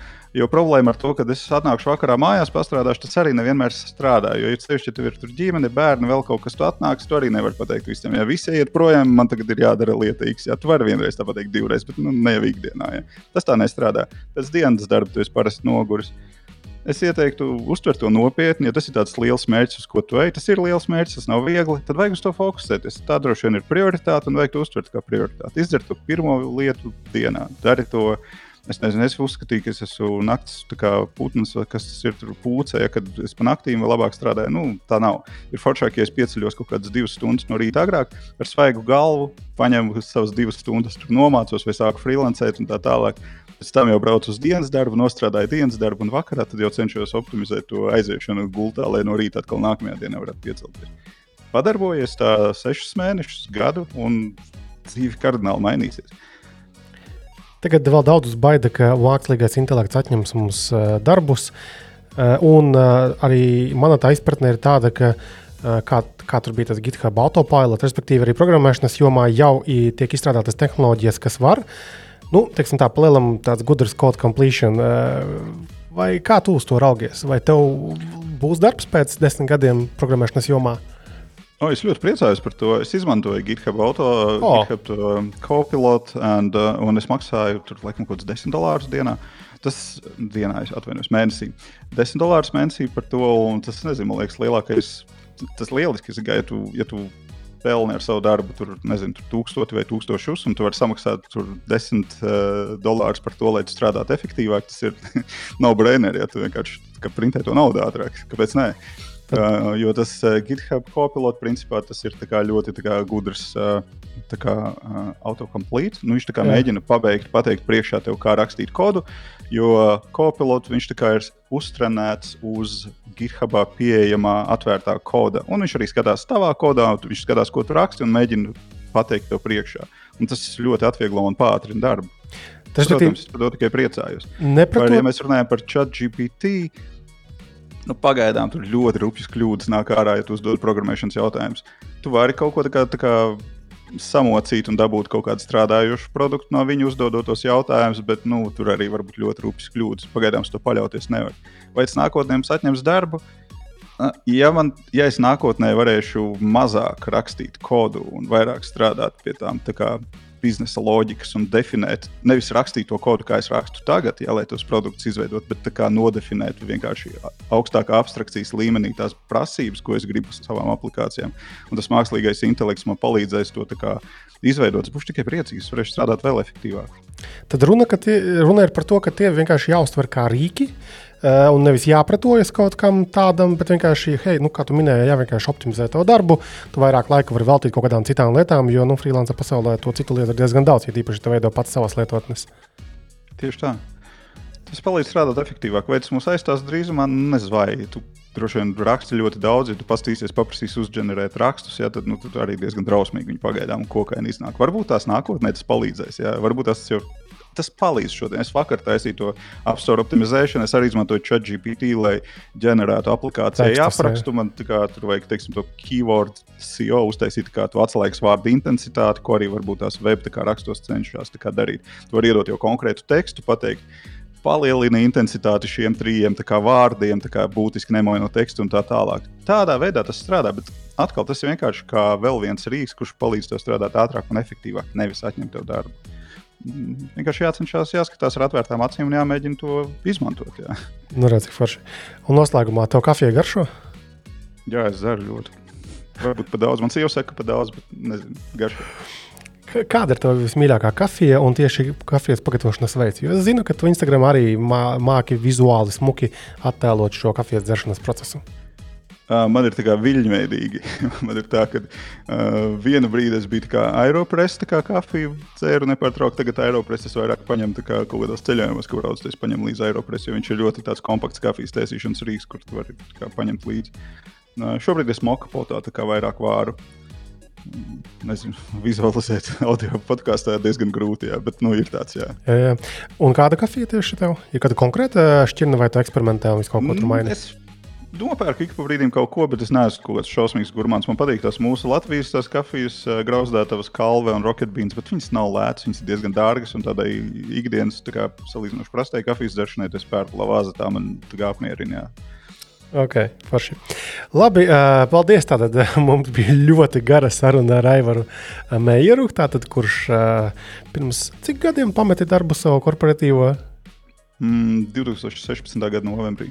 Tātad labi, lai viņi atpakaļ pameta savu darbu korporatīvajā vidē, lai kļūtu par mobilo lietotņu izstrādātāju, gan citiem izstrādājot lietotnes, gan arī radot pats savējās. Tad ļoti aicinu piesakot arī viņa sociālo tīklu kontiem, kuru tur ir daudz, un arī podkāstu aprakstā, kurš var slavēs, arī pielikšu tās saites vismaz daļai no teviem kontiem, lai cilvēki var piesakot. Un tu galvenais tad neapstā, neapstājies pie tā, ko dari un turpini šo kontentu radīt, jo tā ir ne tu pasaulē vienīgais, kas ar to nodarbojas. Man liekas, ir ļoti forši, ka stāsta tieši par savu pieredzi. Tas vislabāk arī, manuprāt, darbojas. Forši. Paldies! Paldies tev! Parunāt. Jā, tas bija tik gari, bet labi, ka man nav tas jārediģē. ok, labi. Paldies, tad, lai tev veiksmīga diena. Paldies, visu labi, čau, čau, veiksmi